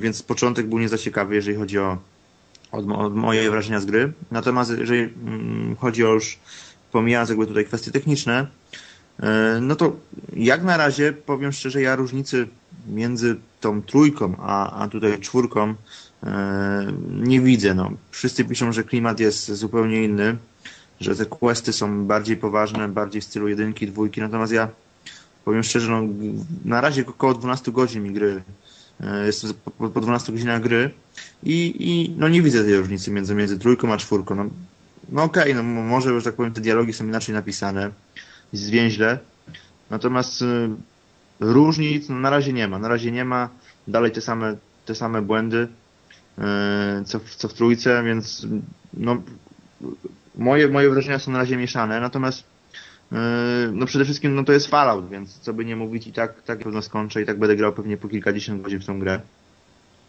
No ale przede wszystkim są, są te, te, elementy takie no, bardzo wkurzające, no jak, jak właśnie te błędy techniczne, pomijając, że tak powiem tutaj yy, animacje postaci, no ale te twarze, te twarze osób, z którymi rozmawiamy są, no powiem szczerze, no nawet nie na poziomie jedynki, bo jeszcze w jedynce to chyba lepiej było rozwiązane i ładniej to wyglądało. Czasami zastanawiałem się, czy, czy rozmawiam z facetem, czy z kobietą. Yy, natomiast, y, no, mówię, no, nie widzę różnicy, powiedzmy, między, między trójką a czwórką jak na razie. No, przede wszystkim też, też brakuje mi, no, ten świat jest po prostu pusty, no. Okej, okay, cała para poszła, że tak powiem, w kwestię graficzną, niż tam budynków, natomiast wchodzi się do miasta, no i, no i co, no tam jest 3, 4, 5 osób i tyle, no. Mm, myślę, że nie będę spoilował, ale tam jeden z początkowych etapów gry, gdzie, gdzie trafiamy na obozowisko New Republic California. Yy, no, jakieś oblężenie miasta, a tam jest w postaci, no ile tam, 3-4, nie więcej. Z tego dwie coś mówią. Yy, więc kurczę, no tak sobie jak na razie. A powiedz, jak, jak się zaczyna gra sama, czy to też jest tak fajnie rozwiązane jak w Falloutie Trójce, bo to mnie w ogóle totalnie urzekło, że zaczynamy jako ten dzieciak, coś tam literki przeglądamy i tak dalej, i tak dalej. Aha. Jak to jest zrobione? W... Znaczy, akurat nie zaczynasz, jako, nie zaczynasz od, yy, od dziecka, ponieważ no, początek jest taki, że właściwie no, jed, robot cię ratuje jakby yy, z uścisku śmierci. Natomiast też jest powiedzmy to zrobione na zasadzie tego wywiadu. Więc ta, ta rozmowa jest takim doktorkiem i on cię tam wypytuje o podstawowe jakieś tam twoje dane osobowe powiedzmy w ten sposób i bada twoje reakcje na zadane pytania. Czyli jakbyś ty się zachował w stosunku do, do, tych, do, tych, e, do tych sytuacji, które on przedstawił, E, ale możesz to oczywiście później ręcznie zmienić, więc gra tylko proponuje ci, e, jak to będzie wyglądało, jak, jak, jak gra to widzi, powiedzmy, po twoich odpowiedziach. Natomiast możesz sobie to oczywiście bezproblemowo dostosować w dwóch miejscach nawet samej, samej gry. W pierwszym elemencie, na początku gry, jak sobie właściwie tą postać tworzysz i później jak wychodzisz e, z tego pierwszego, z tej pierwszej miejscowości, gra się pyta ciebie, czy, czy już zakończyłeś budowę swojej postaci, czy chcesz ją rozpocząć na nowo. Mhm. A to jeszcze jedno pytanie, jak wyglądają zadania? Czy miałeś jakieś, tak powiem, wybory, czy coś w tym stylu? Bo w trójce niby tam miały być jakieś fajne wybory i tak dalej, ale to ich wcale nie widziałem. Znaczy powiem Ci szczerze, na, na razie z takiego większego zadania trafiłem, mm, mogę mówić o jakichś tam początkowych szczegółach fabuły? Znaczy, no, będzie... może, może, może lepiej nie. No, znaczy powiem w ten sposób, no, na razie trafiłem na jedno, takie zadanie yy, i no i okazało się, że no, wybór, wybór jest, powiedzmy, bo tam właściwie są cztery jakby takie ścieżki scenariusza, bo to jest jeden taki z questów dodatkowych, nie są związane z, z głównym wątkiem fabularnym. Mhm. I, są, I, są, takie cztery, cztery jakby ścieżki wyboru. No wybrałem na razie jedną i powiem Ci szczerze, no na razie no nie widzę, że tak powiem, reakcji świata na to, co się dzieje, na to, co, postanowiłem, co zrobiłem w grze. Natomiast też nie wróciłem jakby jeszcze po, po iluś tam dniach do tej miejscowości, więc może ten powrót spowoduje, że, że będzie to wyglądało zupełnie inaczej, choć też gdzieś na jakimś forum wyczytałem, że e, ktoś inaczej zrobił i te konsekwencje były, były że tak powiem, później e, zupełnie różne. Więc mam nadzieję, że, że później tych wyborów e, moralnych będzie zdecydowanie więcej i będą, będą lepiej pokazane. A to ja mam jeszcze pytanie, nie? Na wszystkich forach wszyscy piszą, że tam gram 15 godzin i jeszcze nie doszedłem do tego New Vegas, ale już jest super. No i właśnie jak już się do, doszedłeś już do tego New Vegas... Nie, myślę, jeszcze... Nie, nie, jeszcze, nie, jeszcze nie doszedłem, myślę, że jeszcze długo nie dojdę. Właśnie chodzi mi o to, wiesz, czy jest ten efekt wow, jak się dochodzi do tego Vegas, czy tam już jest, wiesz, lepiej niż wcześniej. Ja o kurczę, nie, nie, nie, no wiesz, nie powiem Ci, no bo nie, nie trafiłem jeszcze, choć opierając się na reakcji nasze, na, na wypowiedziach innych osób, nie ma właśnie tego efektu wow. Ale tutaj jeszcze Mateusz mówi, tak, że on doszedł już tam, tak? Tak, i wszedłem i, i to było raczej takie zawiedzenie, bo wchodzi się do tego New Vegas i jest po prostu szaro, buro, tak jak w całym Falloutie tak naprawdę. Jest, nie wiem, nie ma kompletnie jakiegoś odczucia wow czy coś. Neony są burę, wszystko jest burę i to nie jest fajne. Także zawiodłem się naprawdę na New Vegas, e, bo tak naprawdę cały czas szedłem do przodu, żeby po prostu to New Vegas zobaczyć, a zobaczyłem e, klapę, więc szkoda. Nie postarali się. No na przykład w dwójce, jak trafiłeś do New Vegas, mhm. bo właściwie też tam tam było, no to było widać, było widać tą różnicę, że to jest takie miasto, wiesz, tępiące życie. Nie no, wiesz, jest różnica, nie? Ale spodziewałem się, wiesz, jakiś ruch uliczny większy, wiesz, nie wiem, prostytutki, czy tam pijacy jacyś, a tutaj nic nie ma, nie? Także... Ale... Naprawdę. No, no, to jest generalnie wada, wada na razie tej gry chyba. Po prostu jest, jest ten świat nie żyje, no. Jest, są, okej, okay, są budynki, jest wszystko fajnie, okej. Okay. Natomiast tych postaci po prostu interakcji z tymi postaciami, czy po prostu jakby tego świata ży, żyjącego jest naprawdę mało. No. Miasteczko, no to jest Mm, trafiasz na budynki miasteczka, powiedzmy jakieś tam osady, no to jest 3, 4, 5, 6, 10 osób maksymalnie. Mhm. Więc no, raczej z tej, z tej pożogi nuklearnej no nie, nie ocalało 10 osób. No ja. Osady w pierwszych częściach przecież były dużo większe, jeżeli o to chodzi. No tak, bo to cały ten świat, że tak powiem, Rzym, no, na pewno myślę, że teraz pewnie będę, że tak powiem, no, z pamięci to wszystko cytował, natomiast no jedynka, dwójka, no to te, te miasta, te osady były naprawdę duże to nawet też Shady Sands chyba w jedynce to było, tak? Te pierwsze to też już, by, już, już, już, już trochę zajmowało, więc na pewno nie było to 10 osób, tak jak mówisz, że jest w New Vegas. Nie no, słabo, słabo. A powiedz mi, Mateusz, yy, bo skoro ty grałeś trochę dłużej, jak jest z systemem walki? Bo w trójce w pewnym momencie miałem tak, że jak już po prostu napotkałem jakichś wrogów, odpalałem sobie tego Watsa i, i dwa, dwa headshoty i po nich. Wiesz co, większy nacisk postawiono na szczelanie yy, z muszki to teraz dodano w ogóle Iron Sight'a i, i większy nacisk na to postawiono, chociaż y, wa, znaczy Wac, Wac jest słabszy. Wac zdecydowanie dłużej trzeba e, walczyć, żeby się Wac naładował, więc e, większy nacisk na to postawiono, tak naprawdę. A tak to nie ma różnic. A grasz w trybie hardcore, czy normalnie? Tak, tak, gram w trybie hardcore. Myślałem, że to będzie hardcore, a tak naprawdę raz na 10 godzin muszę się napić wody i to wszystko. Więc No, no bo tak, bo jeżeli ktoś, ktoś jeszcze nie grał, no to tryb hardcore, hardcore jest jakby niezależny od siebie, od poziomu trudności przeciwników. Mhm. I poziomu ich doświadczenia, więc hardcore jakby swoją drogą, ale możemy nawet grać, grać na easy wtedy. Mamy tam takie cztery wskaźniki, to jest jedzenie, woda ee, i, i, i sen bodajże. Więc tak jak mówię, raz na 10 godzin tak naprawdę muszę się napić wody, czy tam się przespać i to w zupełności starczy następne 10, także tak to wygląda ten tryb hardcore. No i leczenie jest dłuższe po prostu. No tak, tak, tak. Na poziomie normalnym, znaczy bez hardkoru steampaki leczą wszelkie rodzaju złamania, skręcenia, e, natomiast na hardkorze po prostu potrzeba udania się do lekarza lub skorzystania z, z torby lekarskiej.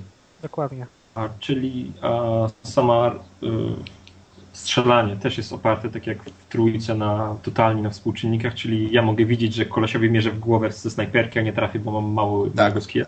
Tak, mhm. zdecydowanie. Możesz być od metr, pół metra od, od tej postaci. I jeszcze gorzej jest, najgorzej jest w tym wszystkim jest to, że jak sobie postać, że tak powiem, będzie blisko ciebie i ty uruchomisz ten system VAC, VAC y, i w złym momencie uruchomisz, i on się ruszy wtedy. Teraz. Tak, to nawet, nawet po prostu nie jesteś w stanie już później zareagować, bo nie widzisz, nie widzisz, nie widzisz tej, tej, tego wroga, tej, tej, tej postaci po prostu i strzelasz po prostu w powietrze. Dokładnie. Ale generalnie mówiąc, generalnie tak rzecz ujmując, polecacie czy nie? Nie, no polecamy, na pewno polecamy. Polecam, polecam, tak. Tam, powiedzmy, plusy, znaczy minusy nie przesłoniły plusów, o, w ten, w ten sposób. Mhm. Jeżeli, jeżeli byście mieli porównywać, lepsza była trójka, czy lepsza jest, lepszy jest New Vegas? Nie no, New Vegas, zdecydowanie. No New Vegas tak, tylko że New Vegas, no kurczę, no nie wiem jak, jak, jak tutaj Mateusz do tego podchodzi, ale dla mnie to jest po prostu takie wielkie, duże DLC. Nie no tak, to prawda, to, to trzeba też powiedzieć. Nie jest to, nie jest powiedzmy to ta, aż tak taka różnica, jak wszyscy piszą, że, że po prostu całkowicie co innego, zupełnie mm, powrót do dwójki, te same klimaty, no, no nie, nie, nie jest, nie jest to powiedzmy aż, aż, tak, aż taka kolosalna różnica. No. Może ma, ma to wpływ powiedzmy, no tam ten silnik, którego oni żyli, no, są pewne ograniczenia pewnie techniczne. Których nie przeskoczą, więc mi się osobiście marzyło powiedzmy zrobienie takiego Fallouta z rzutu izometrycznego. O, to jak, było super. Jakby było w dwójce, no nie wiem, no tak jak coś takiego jak pewnie jak Diablo będzie teraz. Bo właściwie co, tam podciągną grafikę, rzut izometryczny z góry, nie będzie tego pseudo 3D, więc, więc ja, ja, ja bym sobie to tak to widział, więc pewnie tych błędów dałoby się wtedy zdecydowanie uniknąć i za, zapełnić ten świat ludźmi byłoby zdecydowanie łatwiej. Mhm.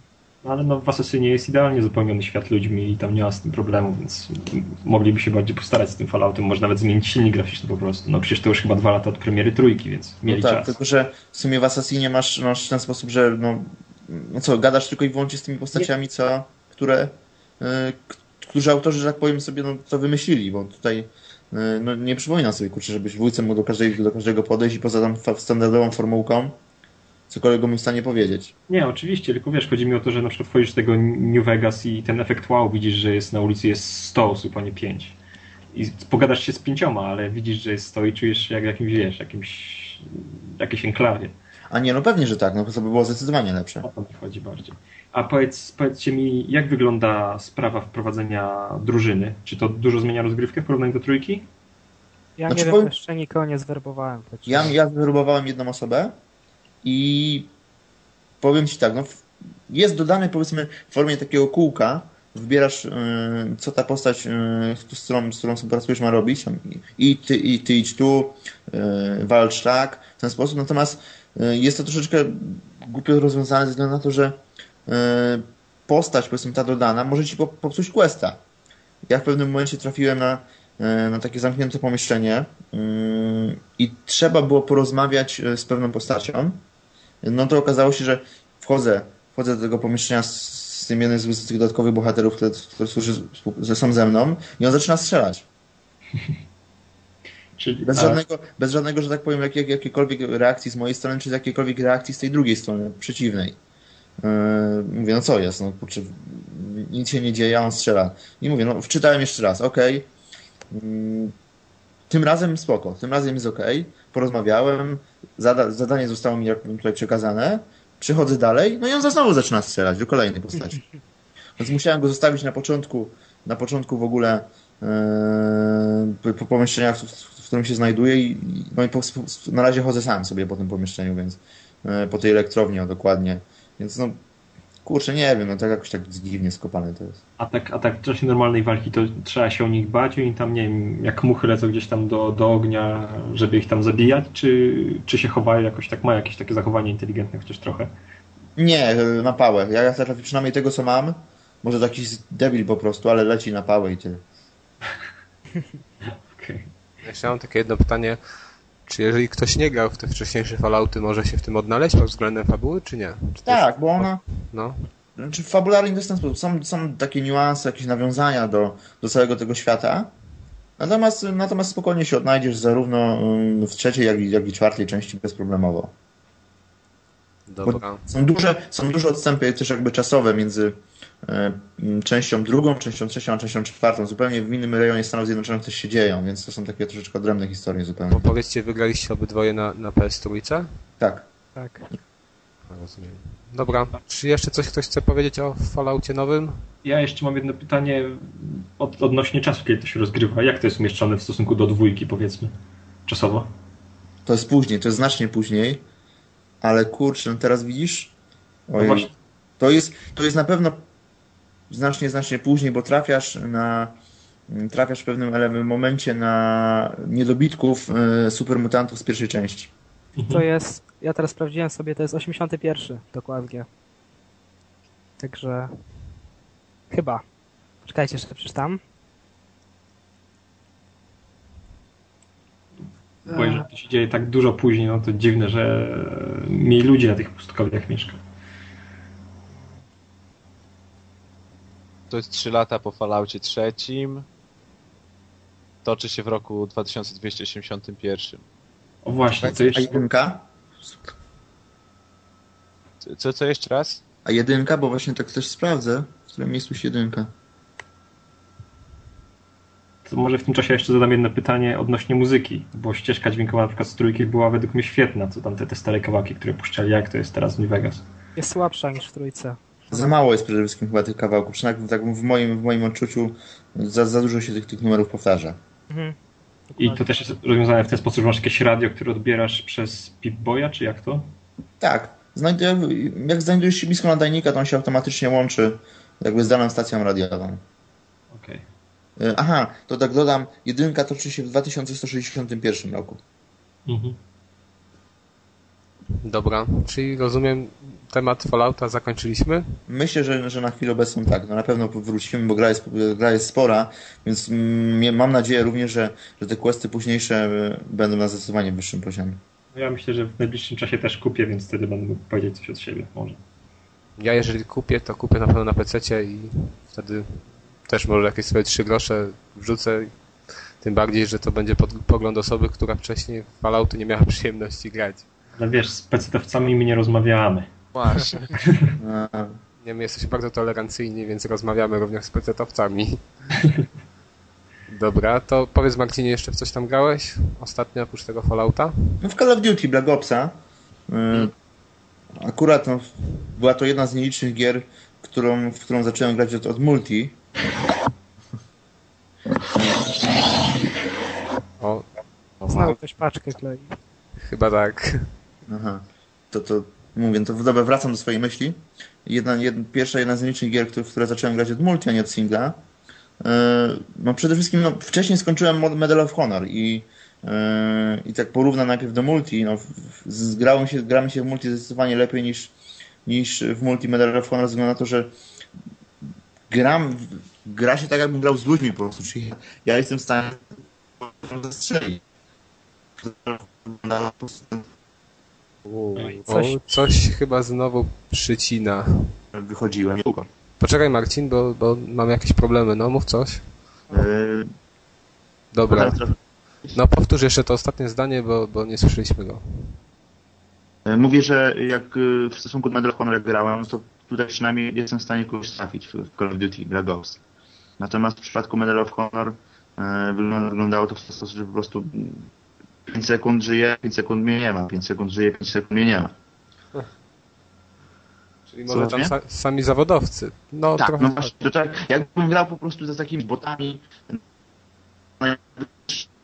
O, Znowu. Znowu przerywa. trudności. No naprawdę grało się kiepsko i od razu mnie to odrzuciło, a of Duty Black Opsa mi się bardzo fajnie to, bardzo fajnie grało. Nie jestem jakimś tam multi, multi wymiataczem i, i właściwie też to traktuję. Bardziej no, aż dziwne, ale, ale mimo, że zacząłem od grać w multi, to kupiłem ten Call of Duty właściwie tylko i wyłącznie dla singla. Yy, I teraz jakby tutaj wracając do myśli do, do singla, yy, no historia na pewno jest lepiej przedstawiona niż w przypadku mm, Modern, Modern Warfare 2. Yy, Wszystko tak dzieje się w czasie zimnej wojny i bardzo fajnie jest to związane. No, jestem chyba pod koniec gry teraz z tego co widzę i, i fabularnie daje radę. No, nie, jest, nie są to wyżyny, wyżyny intelektu, ale na pewno bez zażenowania można w to wgrać. Nikt, nikt tutaj atomówką nie wali na lewo i prawo. Obyło się bez obrony Burger Kinga. Tak, tak. Symbolu Stanów Zjednoczonych. Taki sposób opowiadania fabuły, bo to wiadomo, nie będzie duży spoiler, że to jest jakby forma przesłuchania i retrospekcji. No to taki-. No więc taka forma jakby przedstawiania fabuły jest dość prosta dla twórców, bo usprawiedliwia jakby wszystkie te przenoszenia się w miejscu i w czasie. Ale powiem ci, że fajnie to wyszło. Naprawdę udało im się. Znaczy ja jeszcze powiem Ci szczerze, no, bo tam ta historia zbie- z, do jakiegoś tam finału zmierza. Jeszcze nie wiem, co się w tym finale wydarzy. No, mam kilka teorii, więc, więc czekam, że jak to, się, jak to będzie wyglądało na koniec. Na pewno się skończy quick time eventem. No tak. No i trafiamy też, trafiamy chyba pierwszy raz, yy, znaczy pierwszy raz, przepraszam, no na pewno w poprzednich częściach yy, czwórce, czy powiedzmy w Modern Warfare 1, dwójce, yy, no trafiamy na postacie historyczne, więc, więc tutaj tam fabuły nie zdradzę na pewno, bo to na trailerach było widać. Ale o właśnie to, co odnośnie tego, co ty teraz mówisz, to nie wiem, czy, czy widzieliście na TVN-ie, czy na jedynce. Tak, No na TVN to było. Właśnie nie, nie, nie, nie wiem, czy to można powiedzieć, ale to chyba nie jest, nie jest taki duży Nie, spoiler. to początek gry, więc. Więc y, ostatnio widziałem właśnie w takim materiale, filmowym w telewizji, że jest taka gra komputerowa, która, w której możemy y, zabić Fidela Castro. Czy tam próbujemy zabić Fidela Castro. I oczywiście nawet nie podali jaka to gra, tylko, tylko, tylko po prostu podsumowali, że jest taka gra komputerowa. Nie uważacie, że to trochę dziwne? Że nawet nie ma podanej nazwy gry, tylko po prostu stwierdzenie suche, gra komputerowa i tyle, i to wszystkim powinno wystarczyć. Może dostali, wiesz, tylko na maila od jakiegoś e, tego Oburzonego. i właśnie, i, on, i mi napisał jaka gra, a oni już nie byli w stanie dociec. Albo Nie. jak chcieli. Nie no, ale to jest trochę dziwne, nie? Ja pamiętam kiedyś był taki wywiad chyba yy, z Robinem Williamsem, gdzie on, gdzie on sam mówił, że, że gra w Call of Duty i z tego co pamiętam to był taki talk show, to ludzie wyglądało na to, że kojarzą, wiedzą o co mu chodzi. Tak, tak, oglądałem ten wywiad. No No, to była tam naprawdę była żywa reakcja na to. No Ale dokładnie. to Stany chyba, a nie Polska No, przecież. no dokładnie, nie, no ale teraz rozumiecie, nie, tam on tak, tak, takim hasłem rzucił i po prostu wszyscy zareagowali jakby no, no śmiechem i wiedzieli o co chodzi, a u nas to nawet się nie podaje nazwy gry, tylko się streszcza gra komputerowa, no. Znaczy powiem wam w ten sposób, no tutaj z mojego poletka. Jest to chyba z, z jedna z nielicznych gier, gdzie po prostu był szał na tą grę. Na Call of Duty, w dniu premiery. Więc jakieś tam... Przedały się wszystkie? No, wszystko Tak? się wydało. To na każdą platformę? Dokładnie. Ojej. No, no, był- hit, był hit, więc, więc myślę, że tam powiedzmy w świadomości tam społecznej ta gra jest. Więc Może bardziej w świadomości graczy, nie wiem, którzy po prostu grają może nie w wiele gier, a, wiele gier, a tą serię kupują po prostu co rok. No może, może coś w tym jest. No na pewno nie jest to jakiś tam tytuł anonimowy, więc, mm, więc jeżeli chodzi o wiadomości, to pewnie tam kwestia jakiegoś tam braku profesjonalizmu w ogóle, albo niezainteresowania tematem, w kategorii ciekawostki, bo to rozumiem, że to w kategoriach ciekawostek chyba było, prawda?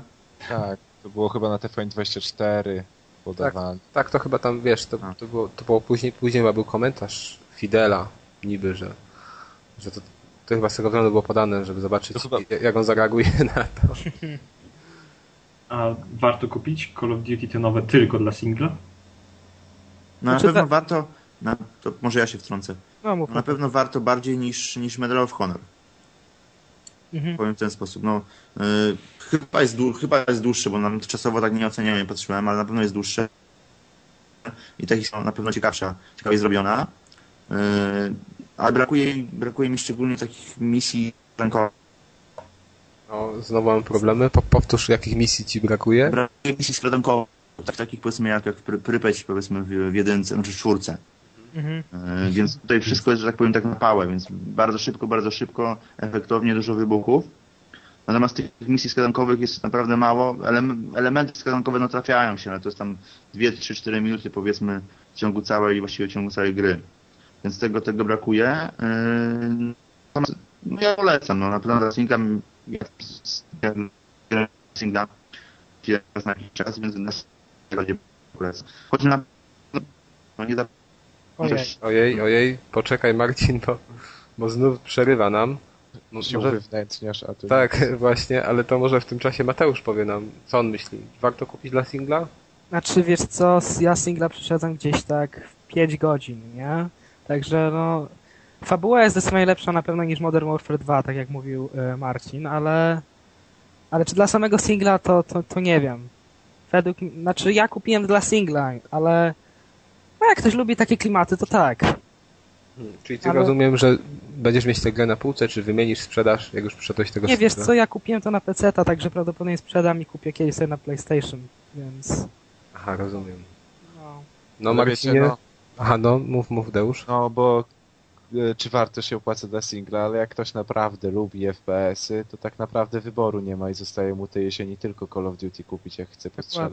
Znaczy, no jeszcze Medal of Honor, nie, oczywiście zostaje.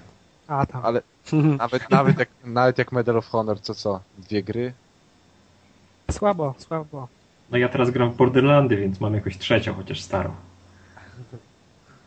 No właśnie. Może, ale akurat Borderlands y, zdecydowanie im plus w stosunku do, do, do Medal of Honor i do Call of Duty. O, A ja bym się nie dokonałem tego wyboru. Czemu się nie zgadzasz, Deusz? E, bo ja w Borderlands doszedłem do 20 któregoś levelu, grając praktycznie na dwa razy i tak mnie ta gra znudziła powtarzalnością, tym takim ciągłym rajdowaniem tych wrogów, że odłożyłem ją i już potem nadeszła jakaś inna gra, to był chyba Dragon Age i jakoś już nigdy do tych Borderlandsów nie podszedłem i potem już tylko sprzedałem. Smutna Tak, historia. podobało. Dobra, to tam Marcinie jeszcze masz jakąś grę, którą chciałbyś omówić? Nie, myślę, że, że, że gdybym ostatnio grałem właściwie te dwa tytuły głównie, yy, więc akurat z mojej strony na tym, na tym koniec. Dobra, to przechodzimy do Mateusza. Co tam u ciebie? Wiesz co, znaczy Marcin już generalnie powiedział praktycznie wszystko, co chciałem powiedzieć. No, właśnie, oprócz tych dwóch gier, o których... Tak, tak. E, o NBA 2K11 mogę tylko powiedzieć, Właśnie. że, że warto. Już naprawdę jest, jest bardzo dużo, na pewno jest więcej zmian e, w NBA 2K11 niż w FIFA 11, pomiędzy 10 a 11. Przede wszystkim tą główną nowością jest ten tryb e, z Jordanem. Mamy te, e, mamy 10 challenge'y, to jest 10 takich największych meczy Jordana, na przykład mamy, że zdobądź tutaj e, 69 punktów, powiedzmy tam 5 zbiórek i tak dalej. To jest główna nowość, ale w samym gameplayu też naprawdę animacja postaci jest super. Jeszcze bardziej, jeszcze bardziej to poprawili względem, względem dziesiątki. Także według mnie warto. Jak ktoś ma dziesiątkę, to, to naprawdę warto. Bardziej niż FIFA 11. Chociaż FIFA 11 też mi się bardzo podoba, ale ja generalnie bardziej wolę NBA, także zawsze, zawsze, zawsze wychwalam bardziej NBA. Yy, I to, tu nie będę zanudzał NBA-u, tylko A to powiem- jeszcze mam anegdotkę szybko a propos NBA. Jak Hmm? gdzieś 2K10, 2K11, to po premierze 2K11 naszło mnie na 2K10, bo miałem, naszło mnie na pogranie, włożyłem płytkę do napędu i wiadomo, gra zaczęła, wystartowała i w momencie, kiedy zaczęła pobierać dane z internetu, czyli ten tryb NBA Today, szczytywać wyniki, to się kon- to zacięła konsola. Myślałem, że to przypadek, że zacięła się konsola, zresetowałem konsolę, drugi raz pró- spróbowałem włożyć i znowu przy próbie aktualizacji z internetu, znowu mi się konsola zacięła. Odpięłem kabel od internetu, włożyłem e, płytkę z grą do konsoli i, do, i działa mi dopiero gra, kiedy odłączę konsolę od internetu. No to musisz kupić 2K11, żeby ci działało. No właśnie wiem, że muszę kupić. No to, to może ja jeszcze wspomnę o tych tam dwóch grach z Wii, co grałem. E, t- Wygrałeś jest- nowości z tego, co wiem. tak, NBA Jam i ten Golden Eye. E, może najpierw NBA Jam.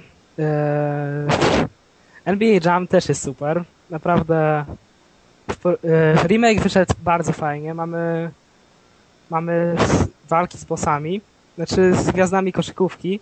Powiedzmy tam z Magiciem Johnsonem, z Jordanem i tak dalej. To jest, to jest, to jest to. Mamy tryb kariery, w którym gramy z drużynami. E, mamy, mamy możliwość grania e, jakimiś osobistościami z naszego życia. Na przykład możemy zagrać Obamą e, z Lakersami na przykład. Co jeszcze?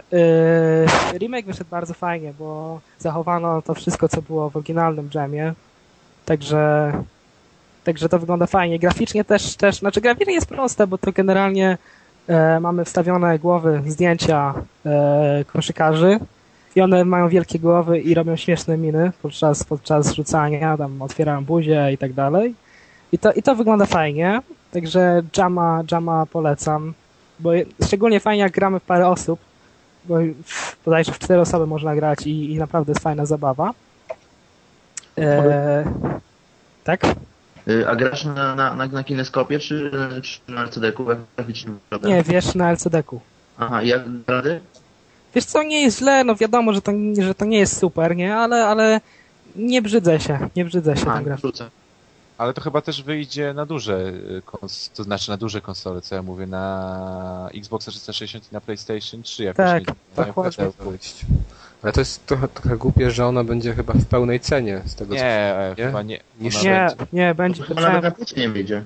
Nie, patrzyłem w Ultimie i za tydzień bodajże wyjdzie na płycie za 150 zł. To, to, to tak. też jest moim zdaniem sporo, a powiedz, za taką cenę to się opłaca kupić? Znaczy, trzeba być na pewno fanem kosza i jama, bo nie każdemu wiadomo to podejdzie, nie? Ale jak ktoś to lubi, to według mnie warto. Także, no akurat ja, ja Masz jakiś tryb sieciowy tam na Wii? Na Wii nie ma, nie ma. Chociaż ja, ktoś tam e, otworzył jakby zawartość gry i, i są linijki z trybem sieciowym, także nie wiadomo co z nim jest, ale coś tam jest. A propos ceny, to na Zawi jest za 25 funtów, więc preorder. Ale mówisz na, na, na next geny, tak? Znaczy na No, na next geny już mówię o tym wydaniu płytkowym. No, więc... Okej. Okay. Jeszcze ta druga gra? Tak, GoldenEye, ten nowy z Craigiem. To jest tak naprawdę, można powiedzieć, że to jest takie Call of Duty na Wii. Mamy, mamy wiadomo, jakieś wybuchy, akcje, no generalnie Call of Duty. Graficznie jak na Wii naprawdę się prezentuje fajnie. E, na LCD-ku naprawdę E, nie brzydzi. Wygląda na pewno ładniej niż Jam, chociaż Jam wiadomo nie ma jakiejś super grafiki. E, jest dużo, jest zachowany klimat Bonda, oryginalnego. Co prawda mamy Craiga, ale jest zachowany klimat Bonda. E, mamy bardzo dużo misji, które robimy po cichu. Mamy parę misji, które, które robimy w jakimś tam, powiedzmy wchodzimy na jakiegoś klubu, musimy z kimś porozmawiać, a później go gonimy i tak dalej. No wiadomo, bondowskie, bondowskie że sprawy. I, I co tu? Ja jeszcze tej gry nie skończyłem. Chyba wydaje mi się, że jestem przy końcu, ale, ale naprawdę warto, bo nawet jak ktoś ma y, Xboxa PS3 i ma Black Ops, to, to, to, to nie tylko dla fanów Bonda y, warto, warto, warto w GoldenEye zagrać. Sprawdzałeś tam tryb sieciowy? Wiesz co? Nie. Jeszcze nie zdążyłem, bo, bo zająłem się singlem, który, który mnie wciągnął. Jest bardzo fajny, więc nie zdążyłem sprawdzić. Powiedz jeszcze, czy grałeś w pierwszą wersję Golden, znaczy tego GoldenEye, czy nie? Wiesz co, ominęła mnie, także nie grałem. Czyli nie wiesz, czy tam jakieś zmiany nastąpiły, czy nie? Nie powiem ci, bo nie grałem. Dobra. Jeszcze masz jakąś grę do omówienia? Bo słyszałem, że podobno jeszcze w Kirby'ego grałeś nowego. Tak, tak. Eee, w Kirby'ego grałem chyba 10 minut, czy jakoś takoś. Nie dlatego, że ta gra jest słaba, ale, ale ta gra jest... Ta gra jest po pierwsze strasznie prosta, bo w niej przeciwnicy to są, nawet jak cię zaatakują, to ty nie giniesz. Także generalnie wiadomo, e, świat jest cały z nici, my jesteśmy z nici, wszyscy są, wszystko jest z nici. I graficznie ta gra jest śliczna, bo jest kolorowa, nie, naprawdę jest ładna, ale yy, wszystko fajnie, tylko wygląda mi na to, że ta gra się bardzo szybko znudzi. Bo praktycznie cały czas idziemy do przodu, chwytamy tych przeciwników i, i, i przez te 10 minut wydaje mi się, jak już bym widział wszystko. Także no nie wiem, pogram może jeszcze trochę, trochę to dłużej, ale, ale na razie polecam, chociaż jeszcze nie do końca. Więc... Czyli no, po prostu jak więcej pograsz, to pewnie jeszcze jakąś opinię. Może z, wspomnę w następnej, następnym podcaście, jak będzie, to, to powiem. Dobra. To ja teraz y, powiem, w co ja ostatnio grałem. To może zacznę od y, Resonance of Fate na PS3, czyli takim RPG-u wielu sądzi, że lepszym od Finala 13. Y, pograłem w to może z 3, może z 4 godziny. Co mi się rzuciło w oczy, to właściwie totalny brak tutorialu.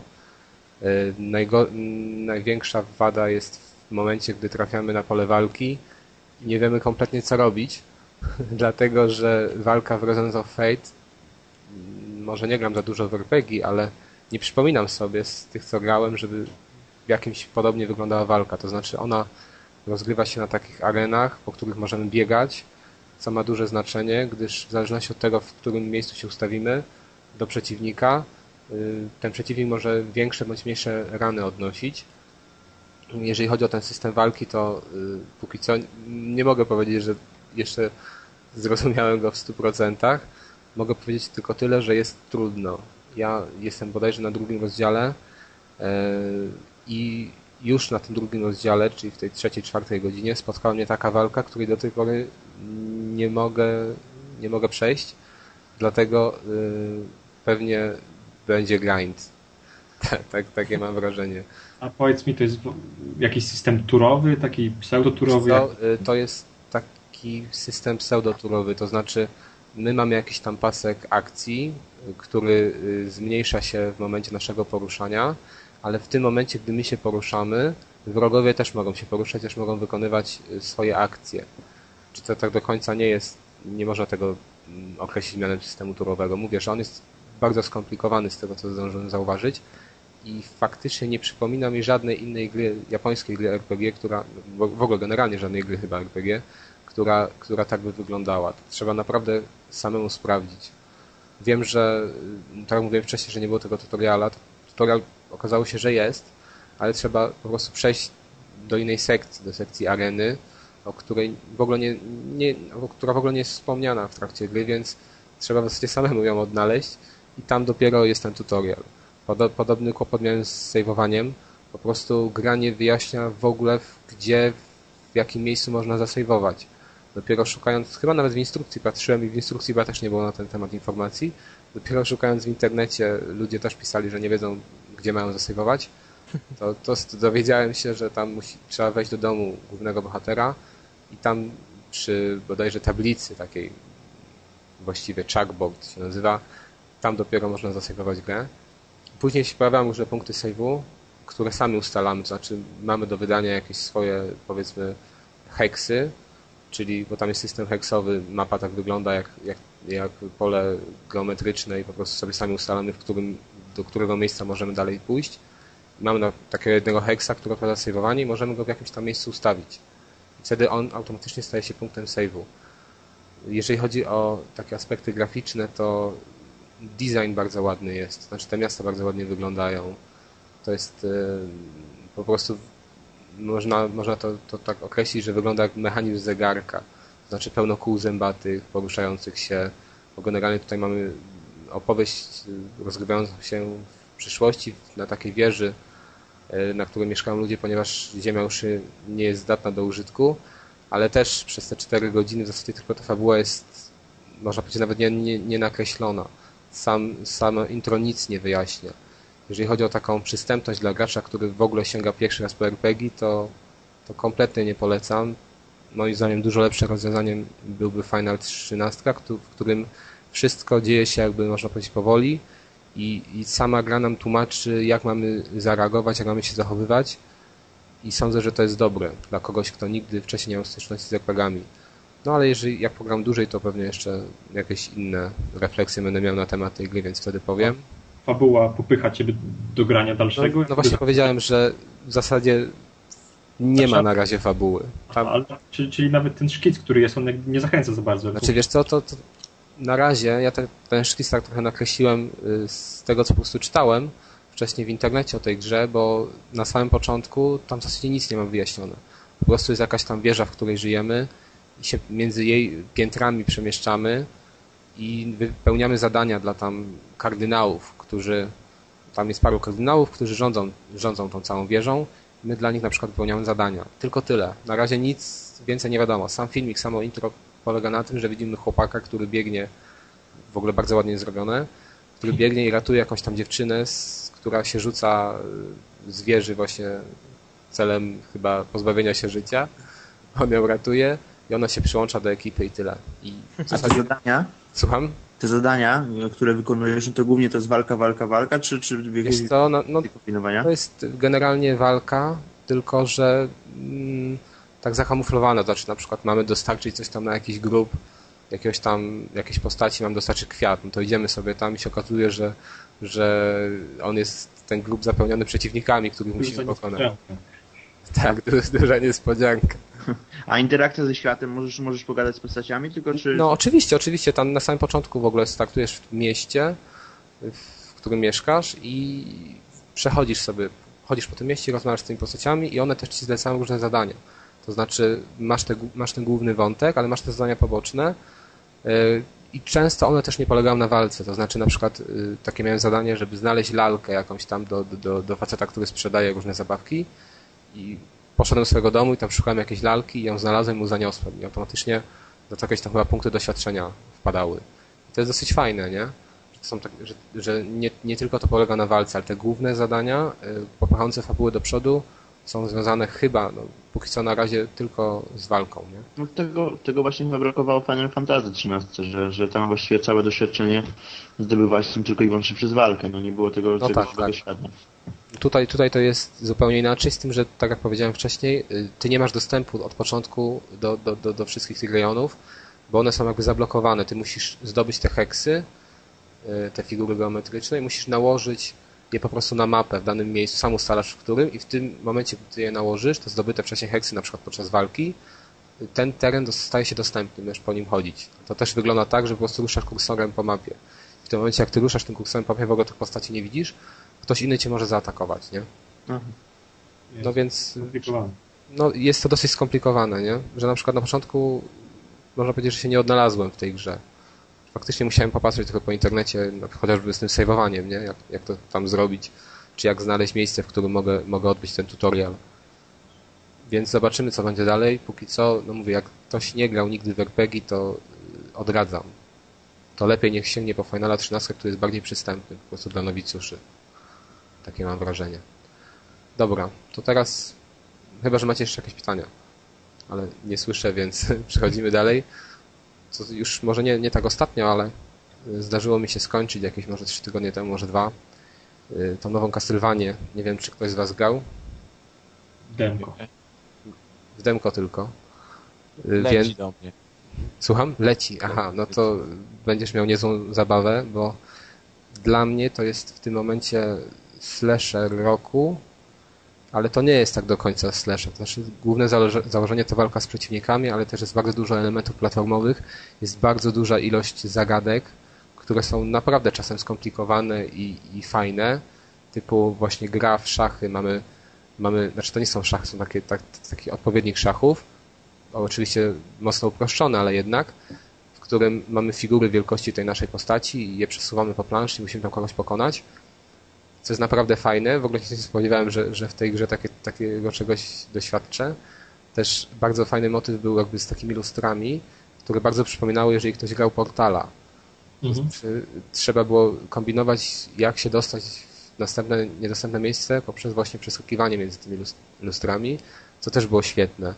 W ogóle sama walka jest moim zdaniem rewelacyjna, jest lepsza niż w Godoworze z tego względu, że jest dużo większy nacisk położony na blok. To znaczy w zasadzie bez blokowania y, nie ma szans pokonać nawet trójki przeciwników takich podstawowych, którzy się tam gdzieś pamiętają. A, a grałeś w God of War na wyższych poziomach trudności niż na normalu? Wiesz co, grałem na normalu i później włączyłem trochę na hard, i... ale nie skończyłem, więc nie, nie mogę powiedzieć, że tylko przez chwilę grałem. Wydawało mi się, że jest dosyć trudno, ale no nie grałem więcej, więc nie mam takiego porównania. Of War na normalu jak pierwszy raz grałem na normalu, później na hardzie, to na normalu w ogóle bloku nie używałem praktycznie i dopiero później grałem na hardzie. Okazało się, że bez bloku to naprawdę się robi się bardzo ciężko. No tak, być może, nie? Ale właśnie tutaj ja też gram na normalu, nie? W, grałem w, na normalu w Castlevanie i mogę powiedzieć, że było w miarę ciężko i czytałem też opinie ludzi, którzy mówili, że było że faktycznie jest ona dosyć trudna. Też niektórych wkurzały te elementy platformowe.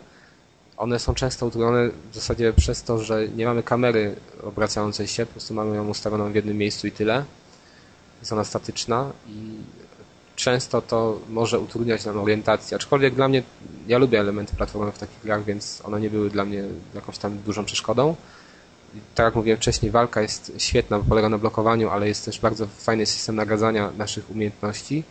To znaczy, jeżeli wykonujemy efektownie jakieś zagrania, przy tym nie otrzymując obrażeń, zwiększa się jakby nasza możliwość pobierania od przeciwników punktów energii, za które kupujemy tam różne nowe ciosy, inne dodatki. I to jest świetne, bo na przykład musisz kombinować, żeby fajne ciosy zadawać i przy okazji y, blokować, bądź kontrolować, bądź unikać ciosów, żeby ich nie otrzymać. Jeżeli to wystarczającą ilość razy zrobisz, otrzymasz więcej punktów doświadczenia. To jest naprawdę świetne. Kolejną taką fajną nowinką jest to, że w momencie, jeżeli mamy, mamy takie dwa paski magii, których bardzo często używamy, one nie są zbyteczne, jest to magia jakby biała i, i magia ciemna, czarna i y, ta biała polega na tym, że w momencie, gdy ją odpalasz, to y, każdy cios zadawany przeciwnikom zwiększa twój pasek y, energii. I to jest też świetne zagranie. Często jest takie kombinowanie po prostu, czy w tym momencie mam tego użyć, czy zachować sobie na dalszą część walki i wtedy, gdy będę miał odpowiednio pasek energii niski, sobie to odpalę i, i, i ich tam powybijam. To jest naprawdę świetne. Zresztą w ogóle te nasze umiejętności się bardzo często przydają w rozwiązywaniu zagadek. To, jest, to też dla mnie jest kapitalne, że tam mamy jakąś tam zagadkę, w której musimy te swoje umiejętności, nawet jeżeli o nich zapominamy, wykorzystywać. Co tam jeszcze? Grafika jest moim zdaniem na bardzo dobrym poziomie, aczkolwiek chyba jest ciut gorsza od God of War, ale wygrywa za to designem, który jest świetny. Ja miałem takie momenty, że sobie po prostu przystawałem i patrzyłem na widoki. Szczególnie, szczególnie świetnie wygląda to yy, w takim etapie, w którym trafiamy do wampirzego zamku. Więc ja generalnie kastowanie polecam i jeszcze nie wiem, czy jesteście fanami tych poprzednich części, czy graliście w te poprzednie części. Ja starałem się grać. Ktoś grał? Nie, no ja grałem. Czyż... No, tak? E, znaczy, mhm, ja, grałem, ja grałem chyba na, jak była taka jakaś na Xbox Live Arcade było coś takiego, to chyba grałem w to, ale... Ale to takie, wiesz, za demo ściągnąłem, to, to nie możesz tego, nie możesz powiedzieć, że to jest Nie, nie, ale ja mówię w ogóle, w ogóle tak to, no i jeszcze grałem w demo w tej nowej Castlevania, ale tak to nie, nie, nie. No więc y, jeżeli chodzi o takie nawiązania do tych poprzednich części, na przykład mamy jakieś motywy muzyczne, mamy jakieś bronie, które podobnie się nazywają, mamy, mamy przeciwników, którzy podobnie wyglądają, to znaczy na przykład jakieś kościotrupy, czy tam tak, tak, takie, takie rycerze w zbro, tacy rycerze w zbrojach. Więc moim zdaniem mm, też jest eksploracja bardzo ważna. To też było w tych Castlevaniach takich, można powiedzieć, klasycznych, to znaczy tych od, tych, od Symphony of the Night, y, gdzie często musimy na przykład cofać się do danego etapu, żeby zdobyć jakąś umiejętność, bo wcześniej nie mieliśmy jak do niej dosięgnąć chociażby. To jest też świetne dla tych, którzy chcą y, skończyć tę grę na 100%, bo sobie wracam do tego etapu i odkrywam jakieś nowe ścieżki. I to jest świetne. Moim zdaniem, no, tak. Czy dużo jest motywów w stylu gadającego konia z dema? Wiesz co, ten gadający koń y, to jest taka jedna postać, która generalnie może przybierać właśnie różne kształty. I tylko ona y, chyba jest, można powiedzieć, takim udziwnieniem. Ale nie ma tych, tych motywów za dużo. Jest bardzo świetny taki humorystyczny akcent. Jest Chupacabra, jeden, jeden z przeciwników. Wygląda świetnie i w ogóle świetnie mówi i, i świetnie się zachowuje. Też jest zupełnie nietypowym przeciwnikiem dla tego typu gier. Okrada nas ze wszystkich mocy, i musimy y, dopaść go, to znaczy musimy kombinować, on tam nam fajnie ucieka, na końcu go i tak nie zabijamy, tylko po prostu odbieramy mu te moce. To jest też świetne, że przez moment na przykład już nie możemy używać magii, tylko musimy się zająć szukaniem czupakabry, która, która nam ukradła nasze moce. To też jest świetny patent. Jeszcze też zapomniałem wspomnieć o tej walce z tytanami, to znaczy nie ma jej za dużo, właśnie moim zdaniem powinno być więcej, nie ma jej za dużo, ale jest też świetnie wykonana. Jeżeli ktoś grał w Shadow of the Colossus, to jest właśnie bardzo podobnie, y, podobnie to rozwiązane i to też dodaje smaku tej grze. Także ja ją polecam. Dla mnie to jest na, pew na pewno będzie w, cis w ścisłej piątce najlepszych gier tego roku. No i co tam jeszcze? No, grałem jeszcze w Infamous, ale powiedzmy, że już już czas nas goni, więc może kiedy o tym powiem, ale muszę powiedzieć o demie, w które zagrałem, to znaczy Fist of the North Star. Jeżeli się orientuję, to, to nikt z Was w to nie grał, ale polecam Wam w to zagrać. Tak, wiem, że nas nie lubisz. nie, ja właśnie polecam Wam zagrać, żebyście się przekonali, że te gry, o których dzisiaj rozmawialiśmy, są naprawdę świetne. Ka każda jedna. Nawet ja daję głowę, że Fallout jest nawet pod względem graficznym mm, po prostu mile świetle przed, przed Fist of the North Star, który no, wygląda koszmarnie. Y, mechanika gry jest koszmarna, walka czy istota rozgrywki jest spieprzona zupełnie. W ogóle nie wiem, kiedy mam jakieś, jakie ciosy oddawać. Y, bloki czasem się nie sprawdzają, czasem się sprawdzają. Y, detekcja kolizji jest okropna. Podchodzimy do, kol, do jakichś tam kolcy wystających, stoimy od nich metr, a mimo to jakoś te kolce od nas zahaczają. Sama, sama postać się porusza okropnie. Animacja przeciwników jest tragiczna. Po prostu w pewnym momencie zostawiłem sobie pada i, i po prostu śmiałem się w głos, jak widziałem, jak, jak przeciwnicy się zachowują. Więc yy, o, fajny jest taki motyw, gdy odpalamy finishera na jakimś tam większym wrogu i w tym momencie mamy taki, taki quick time event, który jest bardzo prosty, ale widzimy też jak, ten, jak nasza postać okłada tego przeciwnika i ta animacja wtedy to wygląda tak, nie wiem czy kojarzycie jakieś takie reklamy, często były reklamy przed świętami jakichś tam pamperków, wojowników w latach 90. takich plastikowych z plastiku i one, one się tam okładały na przykład na arenie. I to dokładnie tak wygląda, jak takie, jak, ta, jak takie plastikowe figurki, które, które są sterowane, nie wiem, jak, jak lalki, nie na sznurkach i wykonują jakieś tam ruchy. No więc mówię, polecam wam demo, sprawdźcie sobie i naprawdę docenicie wtedy każdą grę z tego roku.